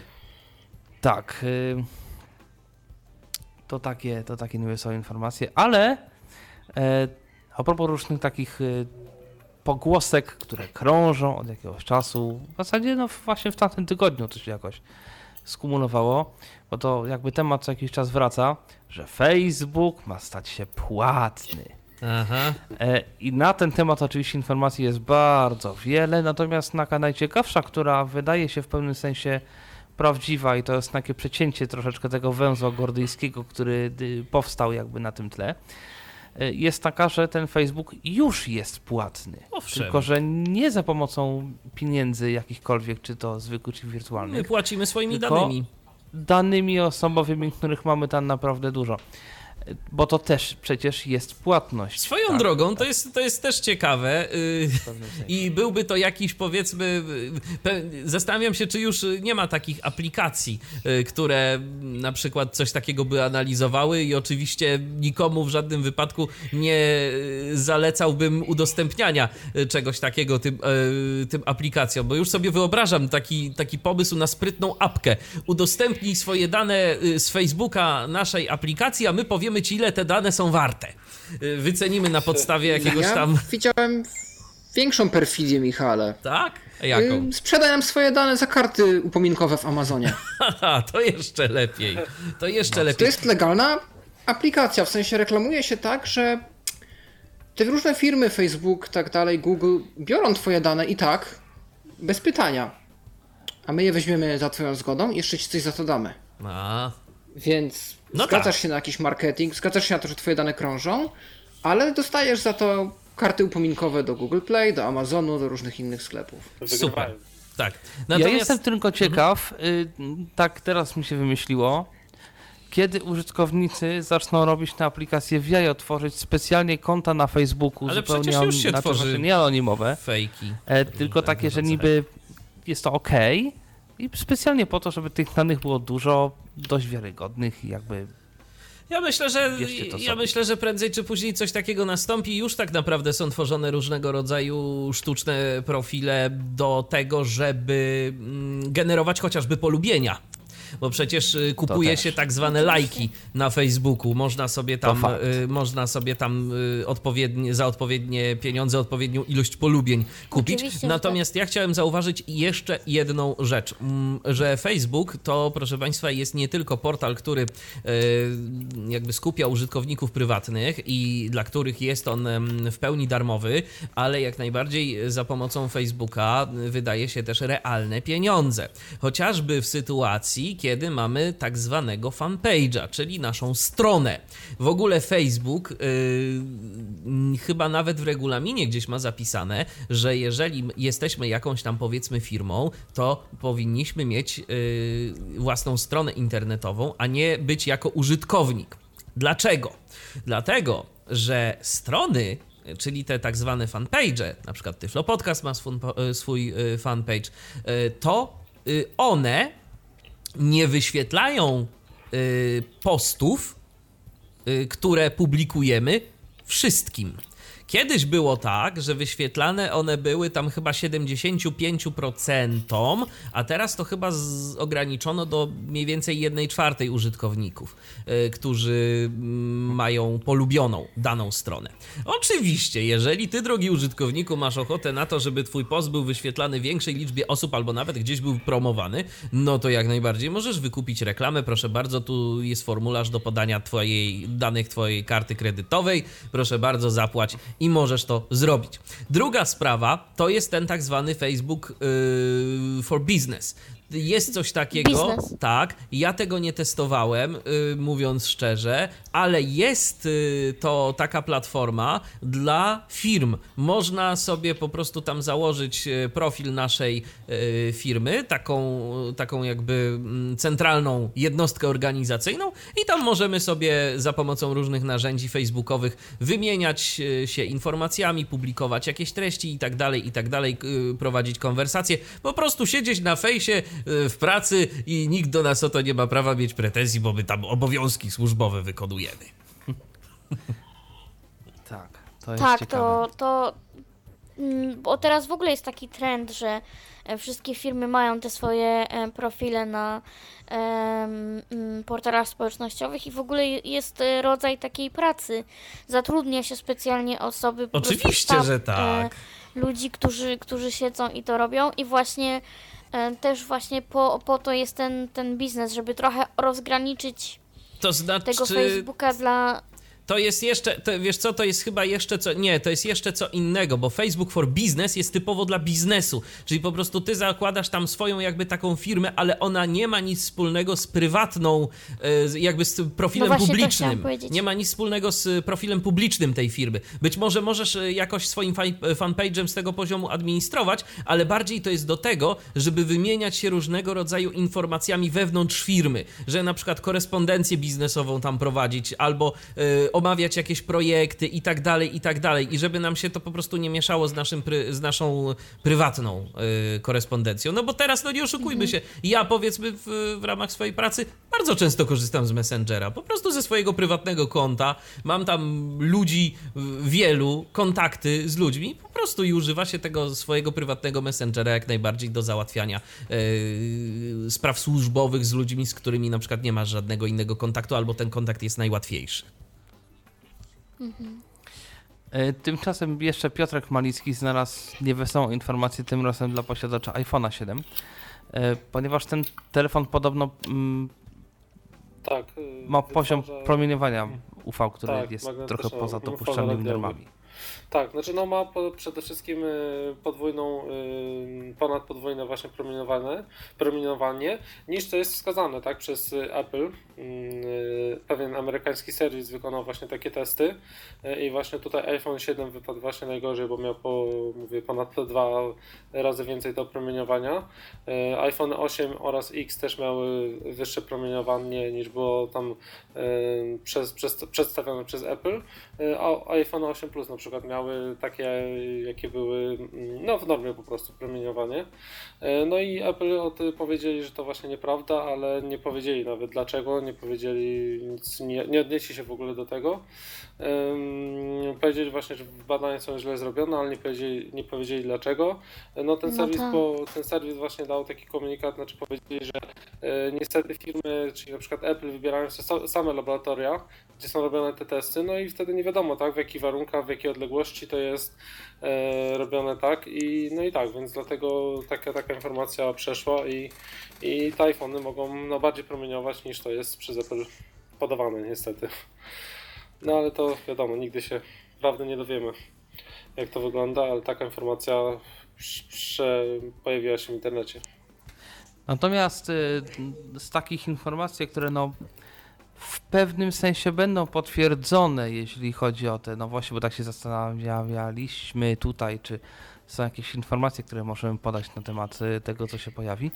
Y, Sprzętowo rzeczywiście nie bardzo wiadomo, co w tych iPhone'ach No może nie, nie, siedzieć, ale jest kilka informacji programistycznych, które no jest duża szansa, że się potwierdzą. O jednej z nich informacji znalazł, no oczywiście jak zwykle Piotrek Malicki. E, Tak, e, tu mowa o lokalizatorach. E, To tak jak, tak jak inne, inne, inne lokalizatory mają działać podobnie. E, Mają być właśnie taki mały okrąg z biały na, z na wierzchu z nadrukiem właśnie Apple. Pojawiła się właśnie taka informacja w becie wewnętrznej iOS 13, więc no jest to taka raczej bardziej potwierdzona informacja. E, Ma być aplikacja w iPhone'ie e, Find My, e, do której mają być dołączone aplikacje Znajdź mój iPhone i Znajdź moich, co tam było jeszcze? Znajdź moich przyjaciół, tak. I ma to być Ona właśnie się połączone... lokalizator w Polsce nazywa. Słucham? Ona się bodajże lokalizator nazywa w polskiej wersji Tak, a, językowej to, a no to tak, to, to, to możliwe, bo ja jeszcze, jeszcze właśnie tego, e, tego nie, nie, nie- patrzyłem, to możliwe, możliwe, że tak. E, I właśnie tam ma być dodać, dodana być zakładka w tej aplikacji przedmioty, dzięki czemu będziemy mogli y, właśnie lokalizować sobie e, ten lokalizator, który będzie przypięty do jakiegoś przedmiotu, na przykład do kluczy. E, I teraz, jeżeli na przykład zostanie zerwane połączenie Bluetooth pomiędzy iPhone'em a tym, tym lokalizatorem, gdzie do, tą rzeczą, do której jest, przypię, do której jest przypięty, e, to będziemy mieli powiadomienie też na iPhone'a, że takie coś się stało. Możemy też ustawić sobie bezpieczne strefy, na przykład mieszkanie czy praca, tak, żeby, żeby tam nas e, co chwila nie informował, że to urządzenie zniknęło, że tak powiem, z naszego radaru. E, Będzie też e, wydawał dźwięki, będzie możliwość wydawania dźwięku, żeby odnaleźć ten przedmiot, co dla osób niewidomych może być, myślę, przydatne. E, No i będzie też taka możliwość, że jeżeli zgubimy ten przedmiot, będziemy mogli go oznaczyć jako zgubiony. Jeśli inny użytkownik iPhone'a znajdzie się w pobliżu, będzie mógł nas poinformować o tym, że, że ten przedmiot jest po prostu, że znalazł ten przedmiot w ten sposób, więc to też może być, myślę, fajna funkcja. No zobaczymy, jak to będzie działało. No i zobaczymy, ile to będzie kosztowało, bo jak wiadomo, produkty Apple są drogie i nawet takie małe coś może kosztować kilkaset złotych, więc zobaczymy. Powinien to za tydzień zaprezentować. Coś czuję, że stówkę co najmniej. ciekawe. No, stówkę co najmniej, tak. To Myślę, jest że- niestety. Że nawet ponad stówkę. Nie jest To jest ciekawe, podejrzewam, bo że istnieje więcej. już kilka takich Tak, rozwiązań. tak, tak, jest I na- kilka, tak. Przykład jest taka polska firma, uciekła mi teraz jej nazwa, może wy pamiętacie, która zintegrowała swoje lokalizatory z Janosikiem. I teraz, No jeżeli nie. użytkownik tej nawigacji Janosik znajdzie się w pobliżu lo- lokalizatora zgubionego przez nas przedmiotu, to my dostajemy informację. I to już jest dość ciekawe, bo Janosik ma no, większą bazę użytkowników niż jakaś tam przypadkowa firma, która sobie wymyśliła swój lokalizator, więc y, szanse są, że to odnajdziemy. Więc już tam na Spiderswebie widziałem pozytywne opinie na temat takiego rozwiązania. I w ogóle ten Janosik ma coraz więcej takich funkcji, trudno powiedzieć społecznościowych. Może Te lokalizatory jest między- przede wszystkim w międzyczasie-. W międzyczasie wyszukałem, to się nazywa e, Naughty One, e, te lokalizatory, A, no które tak. współpracują z Janosikiem. Tak, to jest przede wszystkim hiper antyradar, ale no właśnie okazuje się, że nie tylko i coraz więcej chyba jest tych funkcji nie tylko. Powiedzmy. No to przecież mając też Janosik chyba TLS, czy jakoś tak się nazywa, taki ich blablakar, który pozwala na udostępnianie przejazdów w ogóle i szukanie kogoś, kto też jedzie tam, gdzie my. Natomiast druga funkcja, która y, bardziej w Watch OS-ie nowym, y, no już w tych betach jest i będzie, to ja z kolei dzisiaj w pracy y, to znalazłem, można powiedzieć, bo to, u nas w pracy jest ktoś, kto ma betę Watch OS-a. Tam jest coś takiego, że jest nowa funkcja, już nie pamiętam jak się nazywa, jakoś znowu magicznie po Apple'owemu, Natomiast jest to taka zegarynka, tylko że zamiast y, dźwięków jakichś zegarów czy czegoś, puszcza ptaszki. Ciekawe jest to o tyle, że to są dźwięki, które słychać, natomiast one są bardzo niedenerwujące w przeciwieństwie do większości tego, co oferują takie, takie aplikacje. I to jest naprawdę fajne, miłe takie w, w słuchaniu. W dodatku na każdą godzinę jest tam inny ptaszek, to jeszcze można sobie ćwierkać co 15 minut. I to jest rzeczywiście fajne takie, takie coś, jak, jak ktoś lubi, zwłaszcza tego typu e, rzeczy, to będzie miał to w zegarku, zdaje się tak na dzień dobry. Robercie, czy ciebie to przekonuje, bo ty jesteś miłośnikiem zegarów, czy ciebie to przekonuje do kupna Apple Watcha? Robert za nie mówi. Zupełnie nie. Cisza nastała. Zupełnie nie. Natomiast a propos jeszcze się wstrzelę, bo jest całkiem e, fajna świeżynka, ja jej nie, nie, nie umieściłem, bo ona jest świeżutka. Jest update e, nowego Bazyliska, Bazyliszka. To jest ta przeglądarka, e, dzięki której możemy obsługiwać te dodatki, na przykład WebVisum. I ten update masz 55 MB. I powiem tylko tyle, że wśród usprawnień yy, na przykład yy, ponoć poprawiono gospodarowanie pamięcią podczas przeglądania. Nie wiem jak to na razie co z tego wyjdzie, ale no, przeglądarka jednak Ponoć. powoli, powoli się rozwija. powoli się rozwija. I taką ostatnią e, nowością, którą dzisiaj chcielibyśmy poruszyć, nie, przedostatnią, o ostatniej to jeszcze nikt nie wie, oprócz mnie. e, ale przedostatnią to oczywiście jest, kto znalazł? No oczywiście, że Piotrek Malicki na temat nowego głośnika firmy Bose. Tak, tak, dokładnie smart głośnika. Jest on wykonany z zewnątrz e, aluminium, obudowa aluminiowa. Jest też odporny na zaklapania z normą IPX4. E, Z tyłu posiada e, gniazdo USB-C ładu- ładujące do ładowania. E, Działa ponoć według producenta 12 godzin. Będzie dostępny w srebrnej oraz czarnej ym, obudowie. Będzie rozprowadzał dźwięk na około 360 stopni, więc to myślę może być ciekawa, e, ciekawa rzecz. Znaczy żadna nowość tak naprawdę, Znaczy, no tak, to tak, już nie- nie No tak, już- miała. Tak, Już Rewolts, nie, tak. nie, nie że nowość, tylko ciekawe, tak? W sensie. No i tak, będzie można go obsłużyć e, dotykowo przez aplikację, będzie można też wydawać komendy, przez asystenta Google też będzie można go obsługiwać. E, No i ma się pojawić w drugiej połowie września, no ale cena jego jest duża, bo ponad 1300 zł ma kosztować. Natomiast to, jeżeli chodzi o Bossa, to żadne dziwo. Głośniki Tak, Bossa tak. są drogie. Tak, bo to jest firma, która się Ciekawe, ceni. czy ten dotyk da się wyłączyć dobra. jakoś w jakiś sposób. O, to, to nie wiem. To Ja będzie myślę, ja myślę, że może się nie dać, no bo to będą po prostu sensory dotykowe, tak? Tak, które, tak, które sobie tak. po No też prostu tak będziesz myślę i mogła dla nas to oznaczyć, będzie- ale będziesz sobie to, przypuszczam, że tam tych sensorów będzie, Tak, będzie kilka na trzy, zasadzie włącz, pięć. wyłącz głośniej, ciszej, Głośniej, ewentualnie ciszej, wywołaj tak. asystenta głosowego. I Tak, można sobie to będzie dokładnie. jakoś ewentualnie oznaczyć, bo tego typu głośniki raczej wielu przycisków nie mają, na całe szczęście. Tak, tak, dokładnie, dokładnie. No ale Bose firma ma. No ja się spotkałam, że masz sprzęty. wyświetlacz i po prostu w ten wyświetlacz masz wbudowane... A no to już wtedy gorzej. To e, już wtedy gorzej. Tak, i wtedy już... To już wtedy tak ciężej, bo to nie wiadomo gdzie się co wyświetla wtedy i ciężko to, to jest oznaczyć. No ale zobaczymy. Może za jakiś czas co to, co to będzie. Natomiast taką ostatnią, można powiedzieć, no, no trudno, znaczy, no, no w sumie jest to jakaś nowość, nawet nie jakaś. E, jeden z naszych redakcyjnych kolegów dopiero teraz założył sobie profil na Facebooku. I bardzo jestem ciekaw, jak wygląda takie sprawozdanie, można powiedzieć. Znaczy, jak wyglądają, jak, jakie są wrażenia użytkownika Facebooka po kilku dniach, gdy się zakłada go po raz To pierwszy ja w myślę, że zanim, 2019 to, to ja proponuję, że zanim y, Robert, bo, bo to o Robercie mowa, zanim Robert nam coś o tym opowie, to odbierzemy kolejny telefon, bo mamy. Halo, kogo witamy? E, Piotr z tej strony, witajcie. Witaj Piotrze. E, Ja dzwonię, żeby zapytać, e, bo ja próbowałem wypełnić ten wniosek o 500 plus e, ten formularzem PDF, ale ja tam nie rozumiem, bo te przyciski opcji są często nieetykietowane, tam przed datą były jakieś przyciski. Jak to ogarnąć właściwie? Bo samodzielnie mówię, ja nie trzeba- potrafię tego wypełnić. Trzeba włączyć tryb przeglądania i pod przyciskami e, jakby masz przycisk numer jeden, przycisk numer dwa. E, tekst przyciska numer jeden, tekst przycisku numer dwa opcji. Niestety. Tak to wygląda. To rzeczywiście o tym zapomniałem powiedzieć, może, bo to Mhm. tak jest. Znaczy, to a propos właśnie powiem, bo też dowiedziałem się i mam nadzieję, że to będzie prawda. Ponoć w połowie września, czy później może trochę będą wnioski na platformie usług elektronicznych ZUS-u, więc ja czekam i spróbuję tak to zrobić i wypełnić. Może to mi się tak uda, zobaczymy. Może będzie no to bo jest to platforma dostępne. usług elektronicznych.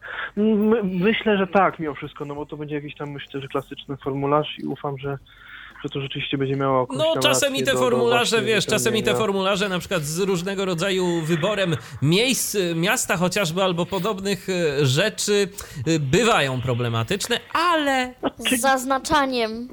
ale może się uda. Znaczy najczęściej jak wypełniałem jakieś formularze przez ePUAP, no bo te systemy są podobne wszystkie przez stronę, to tam było ciężko, ale było to do przejścia mimo wszystko niż z tymi PDF-ami, no bo to jest pewna specyfika z tą datą, tym kalendarzem, tam jakieś tam obywatelstwo też było i różne rzeczy w tym PDF-ie i tak no w dobie ustawy dostępności można by się po prostu o to po prostu pokusić, żeby No ale teraz przycisnąć, mamy, teraz mamy jednak, właściwego no. człowieka y, na właściwym miejscu. Mowa o Jacku Zadrożnym w Ministerstwie Cyfryzacji, który działać będzie też na rzecz dostępności, więc y, to, to, też, taka, to też taka No jest ciekawostka, szansa, że więc może będzie lepiej. Tak. Mm, Tak, no bo to jest Tomaszu, ciekawe, czy- żeby to było.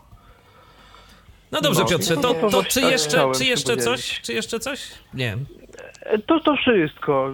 Okej. Dzięki za audycję, bo dosyć ciekawa jest i, i, no i super, że to robicie, naprawdę. Dzięki serdeczne, Piotrze, pozdrawiamy cię serdecznie. Do usłyszenia. Coś Mikołaj chyba Ty chciał jeszcze, powiedzieć jeszcze. Tomaszu, wiesz a propos tych PDF-ów, no bo wypełnimy formularz i co właściwie? My to możemy jakoś zapisać, czy my Tak, to od razu możemy to zapisać, drukować? możemy to wydrukować. e, można to zapisać i potem wczytać w wypełnione. Mhm. A gdzie to wysłać? Chyba do swojego oddziału. Na ZUS-u. drukarkę. Tak, tak, tak. Do działu ZUS-u, tak, tak. Do swojego działu ZUS-u.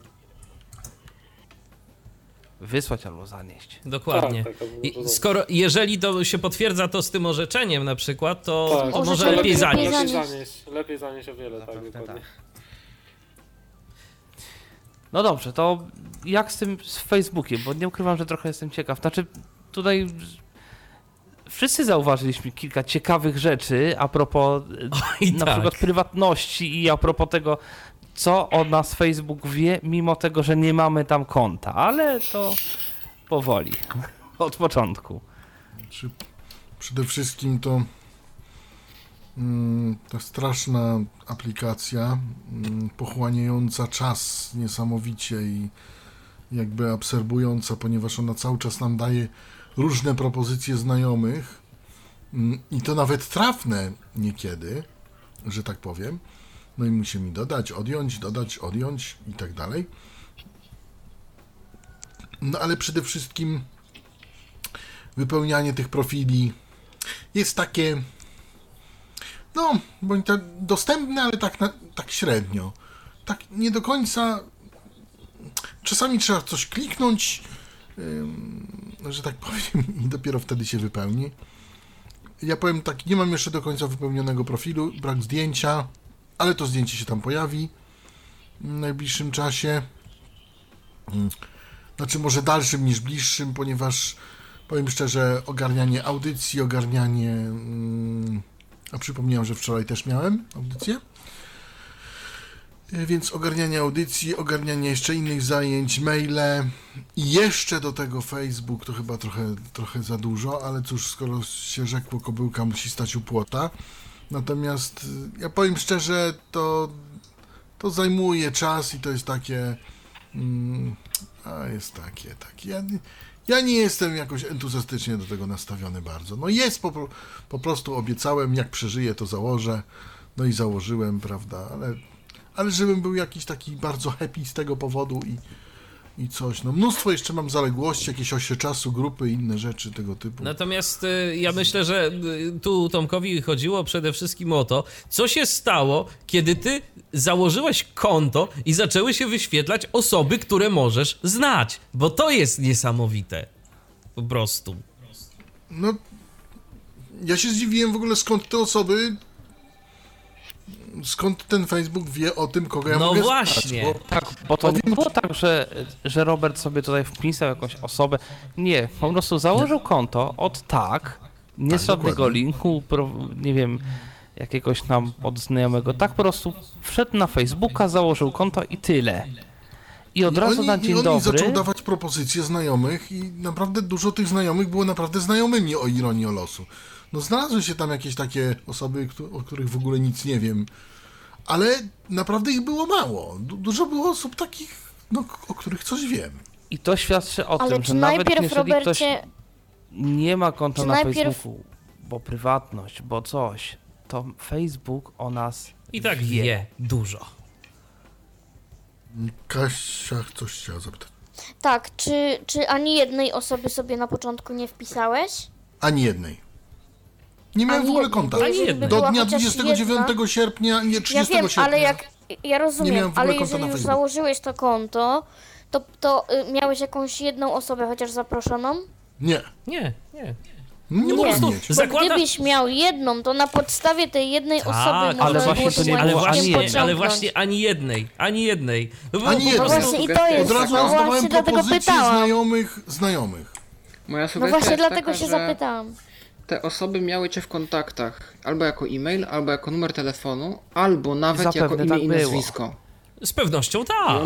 I Zapewne Facebook miał tak dostęp było. do kontaktów tych osób z telefonu Zapewne i tak już było, w związku z czym e, jakby nasze dane prywatne mogą nie tylko, jakby nie tylko my jesteśmy źródłem danych o sobie, ale również nasi znajomi. Tak. Nie zawsze świadomie. Jakby, no, czy chcemy, czy nie chcemy, to te duże portale często gęsto nas wiedzą naprawdę dość dużo e, rzeczy i tego się nie da uniknąć tak naprawdę. To po prostu, no, tak już jest i trudno. Tymczasem mamy telefon, Tylko trzeba więc... uważać na to, co się do, do, udostępnia. Owszem, tylko, co, tylko, z drugiej, tylko z drugiej strony y, to też nasi znajomi nas dodają gdzieś tam powiedzmy do kontaktów i to i, i tak y, te największe portale społecznościowe mają do tego dostęp i tak. No tak, Kogo tak. witamy tym razem? Halo? Halo, witam Bartek po tej stronie. Witamy. No, a propos tak Facebooka, no to pomyślałem, że zadzwonię, bo ostatnio zauważyłem taką dziwną rzecz, może najpierw wyjaśnię o co chodzi.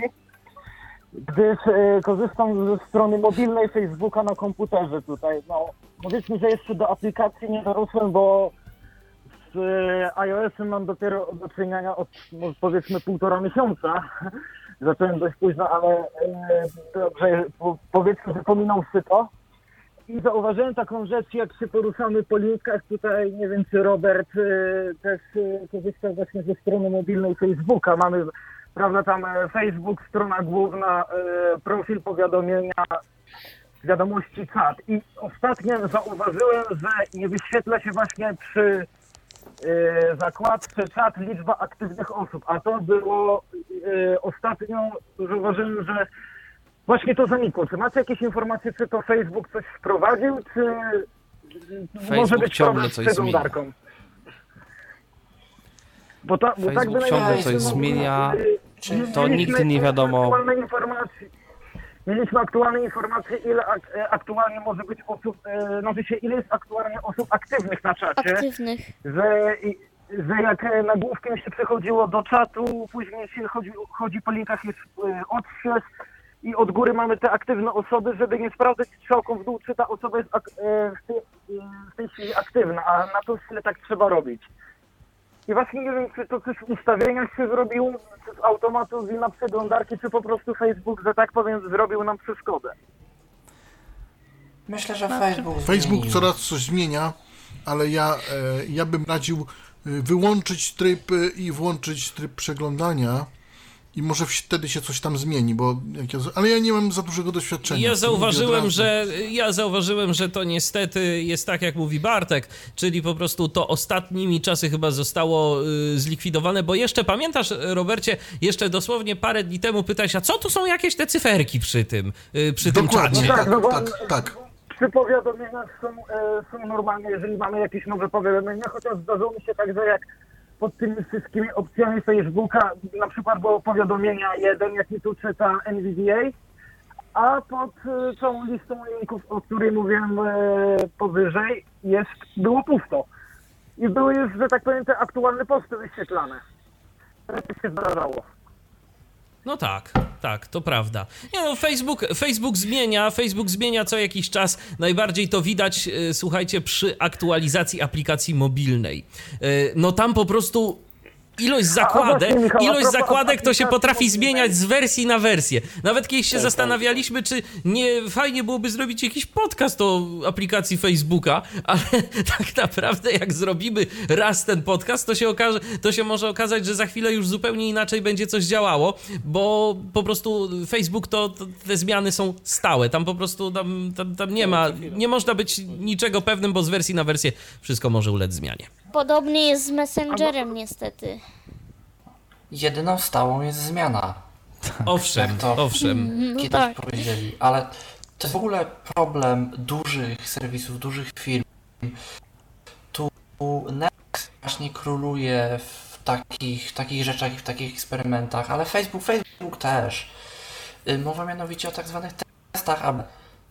Chodzi o to, że po prostu jest ileś wersji różnych danej funkcjonalności, danej aplikacji, to którą wersję dostaniemy zależy od wielu czynników. Może na przykład zależeć od kraju, od wieku, od jakiejś demografii, od tego, jak korzystamy z aplikacji, a może zależeć po prostu od tego, co nam system wylosuje.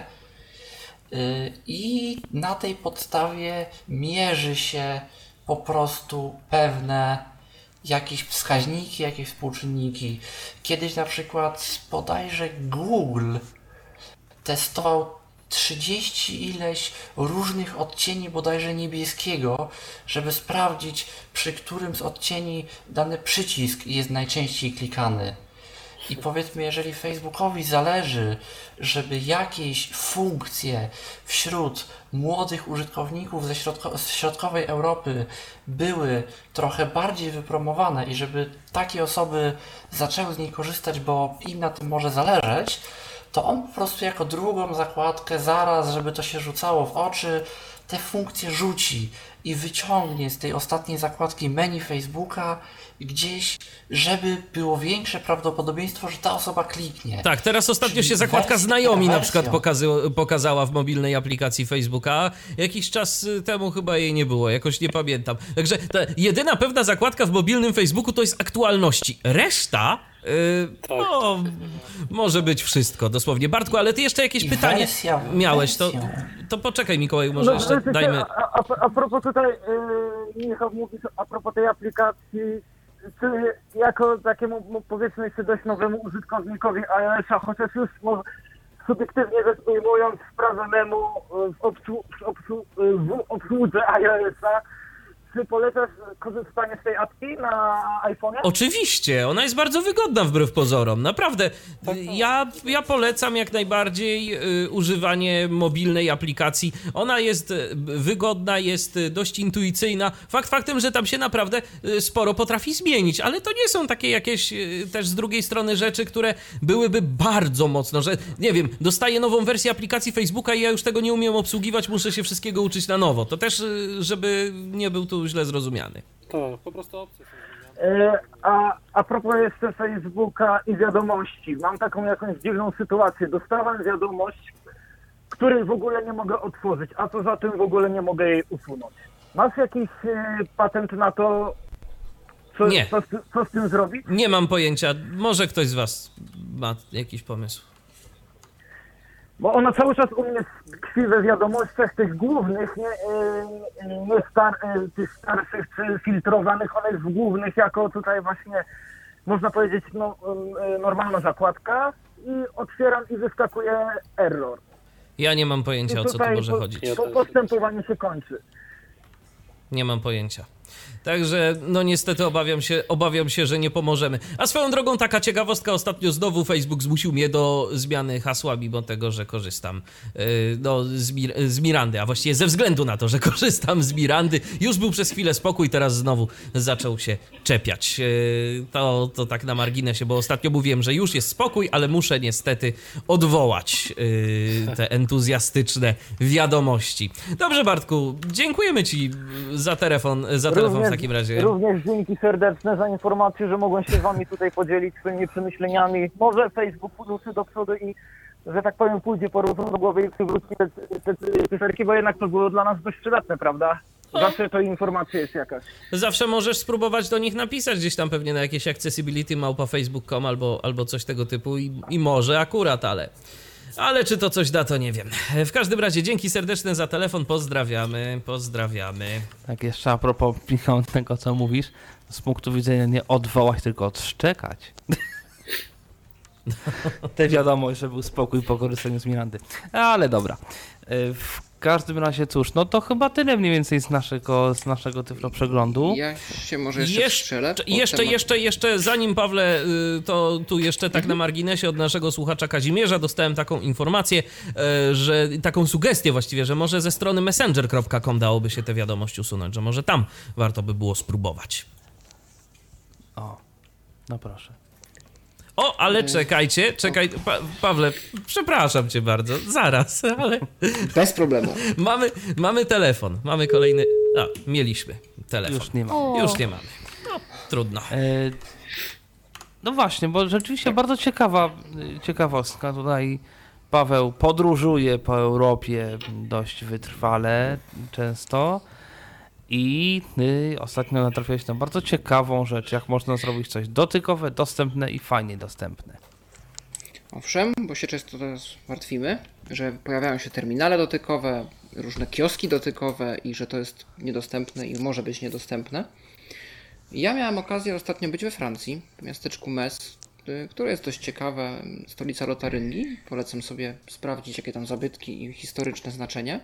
Natomiast technologicznie to, co tam mnie urzekło, y, to był automat na bilety. Ja oczywiście legitymacji francuskiej nie mam, jestem tylko turystą i to jeszcze na jeden dzień. No więc trzeba kupić bilet komunikacji miejskiej.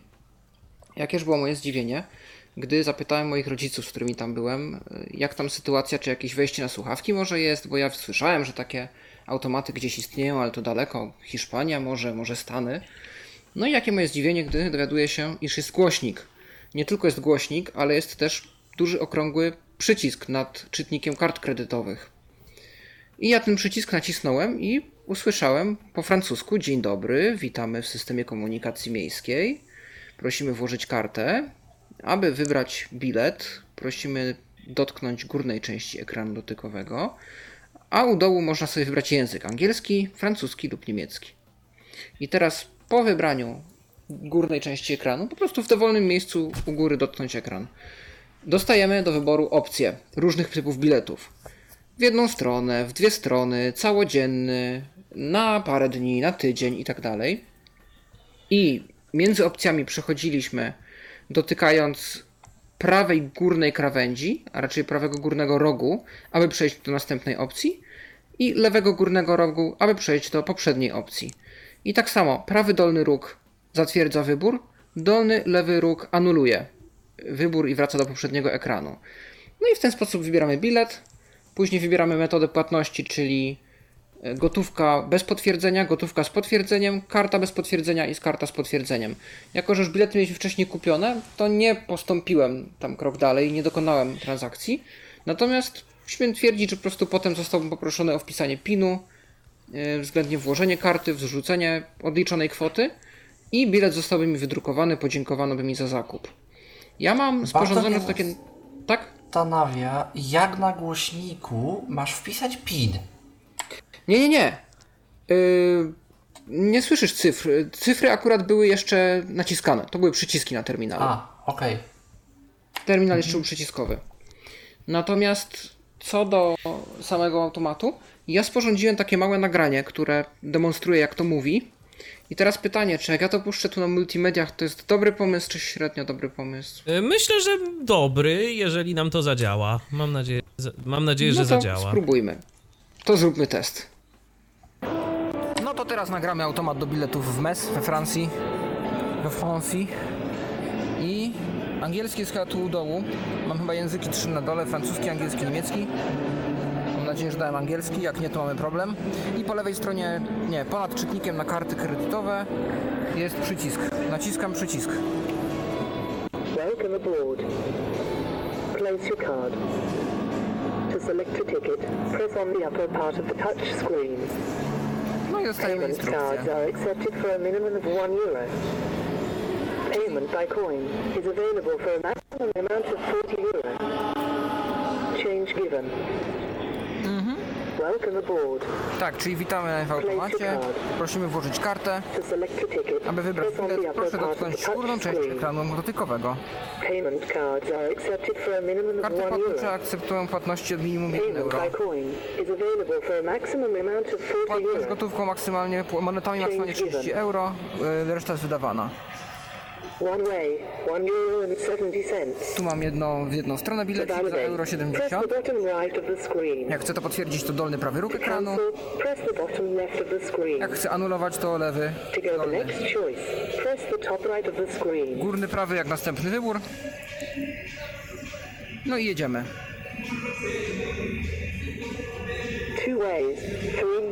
To jest bilet w dwie strony. To validate, 10. This I pass, 4 euro. Pass, czyli cz- cz- dzienny bilet To 4 euro. validate, press the triple minus 1 due limit 845, 8 euro. Już nie wiem, tu jest jakieś za 8 euro. Chyba dla trzech osób 4 dzienny. euro. I enter. To validate, press the bottom right of the screen. To cancel, press the bottom left of the screen. O, nie chce mi się potwierdzić. To go the next choice. For one Visa Pass, your selection is one Visa Pass, one Euro Limited. Select your means of payment. Payment with cash without receipt. To validate, press the bottom right of the screen. To jest gotówka bez y, cancel, potwierdzenia. press the bottom left of the screen. I teraz w prawo. To go the next choice, press the top right of the screen. Czyli gotówką i pokwitowaniem. press the payment with bank card without receipt. Kartą bez validate, pokwitowania. payment with bank card with receipt. Kartą z pokwitowaniem. No i tak to wygląda. I teraz naciskam przycisk jeszcze raz, żeby to wyciszyć, bo nie będę kupował biletu. I pani się utkała i już ludziom nie przeszkadza. Dzięki. Bardzo ciekawe. No i w ten oto sposób funkcjonuje terminal płatniczy do zakupu biletów komunikacji I to tak dość głośno to gada. Niestety, Tak ja słyszałem. byłem świadkiem, jak pani korzystała z tego kupując bilet i pół ulicy słyszało, że kupuje bilet w jedną stronę. No tak. No ale z No. drugiej strony to też tam był dość spory hałas, więc może oni to celowo tak zrobili, bo Wiesz co? Bo to był dworzec kolejowy. A takie terminale stoją też na bardzo odludnych stacjach. Na przykład my zaparkowaliśmy na pierwszym parkingu takim typu park and ride, czyli na obrzeżach miasta parkujesz za darmo i jeździsz dalej po mieście komunikacją miejską. I to jest dość duże odludzie, tam mało kto stoi. Yy, I tak samo jak jesteś w, bo- w przestrzeni otwartej, bo ja byłem teraz robiąc to nagranie na dworcu kolejowym, czyli w zamkniętym budynku. Więc jest też trochę inaczej. Tam jeszcze był stał fortepian, na którym można było grać, więc tam już w ogóle był hałas niesamowity. To też można było słyszeć w nagraniu, bo kompresor się wręcz uaktywnił w pewnym momencie.